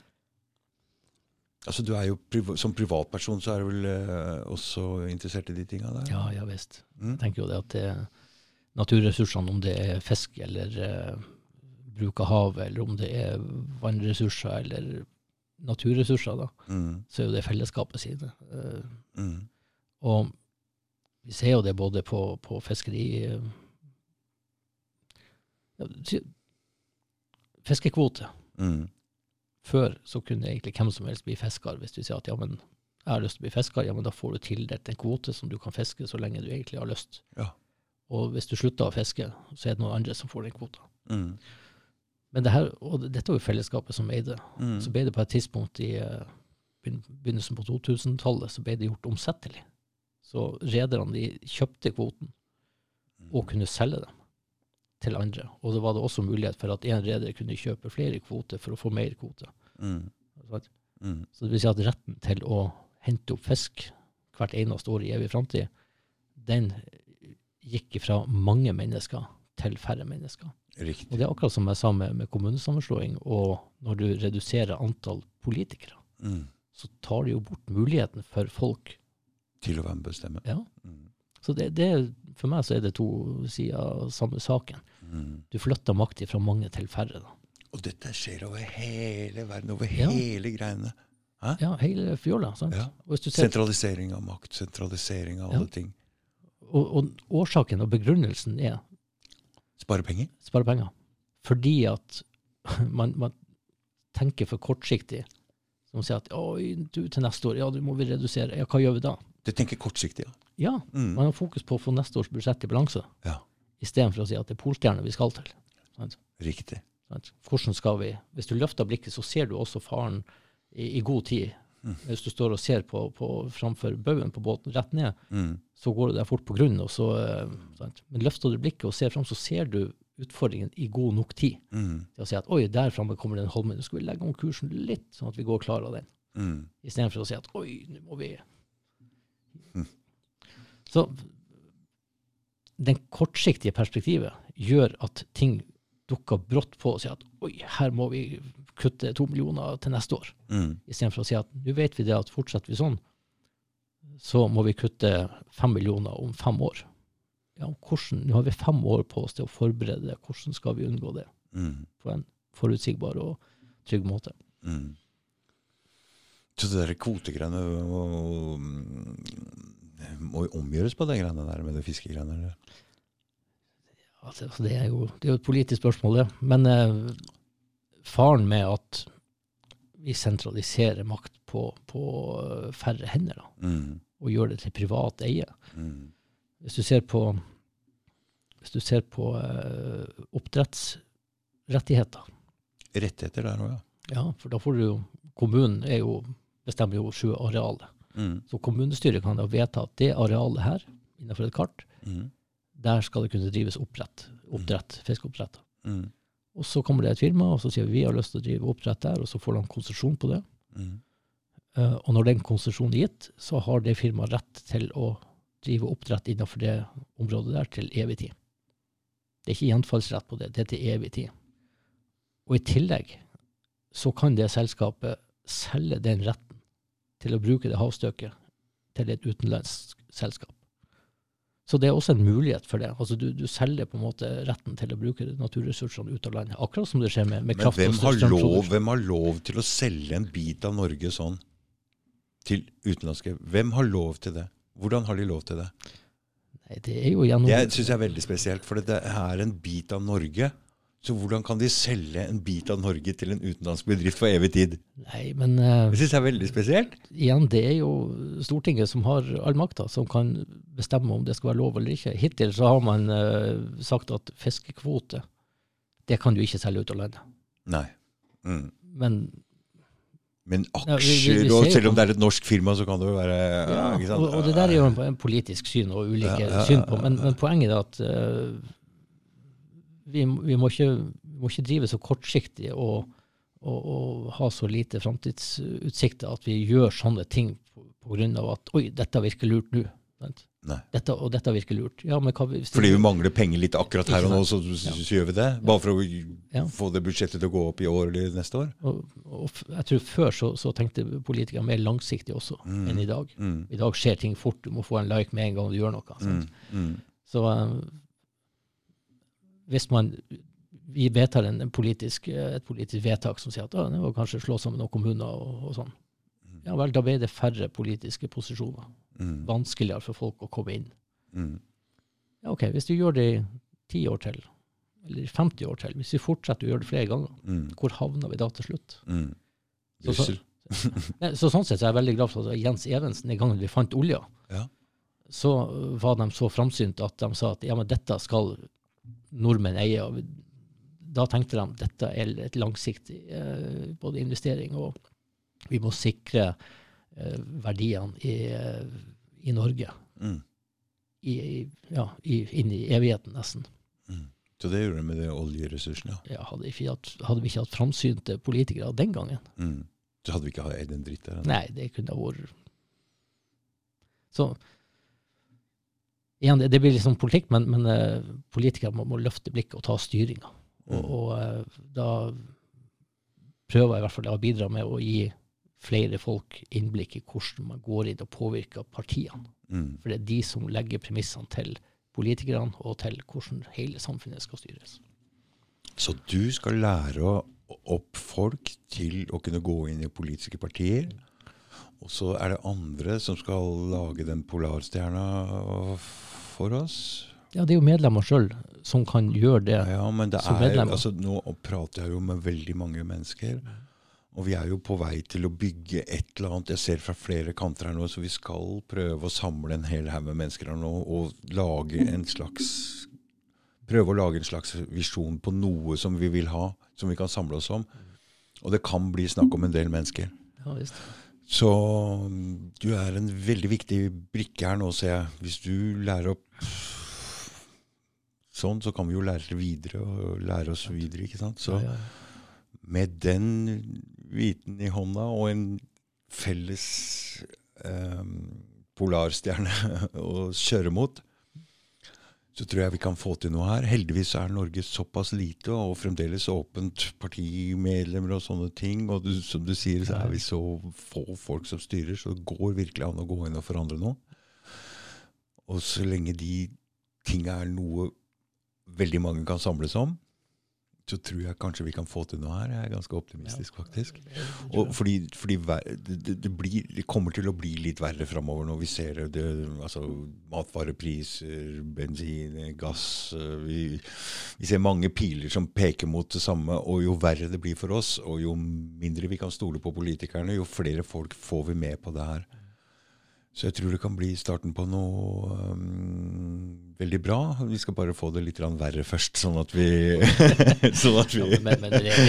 Ikke sant? Ikke sant? For, det, for vi trenger det. Uh, men vi er på god vei. Politikerforakt i all vei. De lyver oss. De folk, Mange folk er sinte, altså. Ja, det, det er det. Og mamma brukte å si det alltid, at det er aldri så galt, ikke godt for noe. Mm. Og jeg sier at ja vel, når, når vi blir utrygge nok, Mm. og blir pressa nok langt ut, og ikke ja. hellene går utfor kanten, Da da gjør vi noe. Ja. Men ofte så må vi helt ut dit for at vi faktisk tar ansvar og gjør ting som er ja, ubehagelig. Ja, Men målet med de kursene der, eh, som jeg gjør, det er at i løpet av fem uker så skal du få den kunnskapen som du trenger for å påvirke sterkere enn du noensinne har gjort, mm. uten å måtte bekymre deg. Og det vil jo om det vil, det vil vi jo. Ja. Ikke sant? Vi Og- og vil være sterkere og ha mer påvirkningskraft. Ja, og det største hinderet for at folk gjør det, det er at vi føler at det er utrygt, og at vi bekymrer oss. Mm. Så det er liksom hele hovedmålet med, med, med de kursene og det som vi, vi tilbyr på det nivået. Mm. Kom igjen, folkens. Nå skal vi gjøre noe her. Jeg, jeg, kom, som sagt, uansett hvilke politiske synspunkter, det er helt irrelevant for meg. Jeg, nå, jeg, jeg, jeg bidrar til alle som ønsker å bidra til å styrke demokratiet. Mm. Ja, ja, men selv om man har forskjellige synspunkter og mange ting, så går det an å samle seg om noen felles mål, for vi vil jo ha det bra. Ja, Ikke sant? nettopp. Men, du, men da må vi òg styre etter det, Ja. og ikke begynne å diskutere smådetaljene underveis og mm. si at sånn og sånn. Ja, det, nei, ja, det kan vi godt diskutere, men altså, burde Skal- ikke bli uvenner og splittes for det. Nei, skal, skal vi styre på høyresida eller styrbord eller babordsida av den der staken? Mm, Spiller mm. egentlig ingen rolle, for vi kommer Vi må ha fokus på det store, viktige målet. Ja, Trygt og godt samfunn. ja, trygt og godt samfunn med ytringsfrihet og stabilitet. Mm. Tusen takk, Ronny. Sjøl takk. Ha det.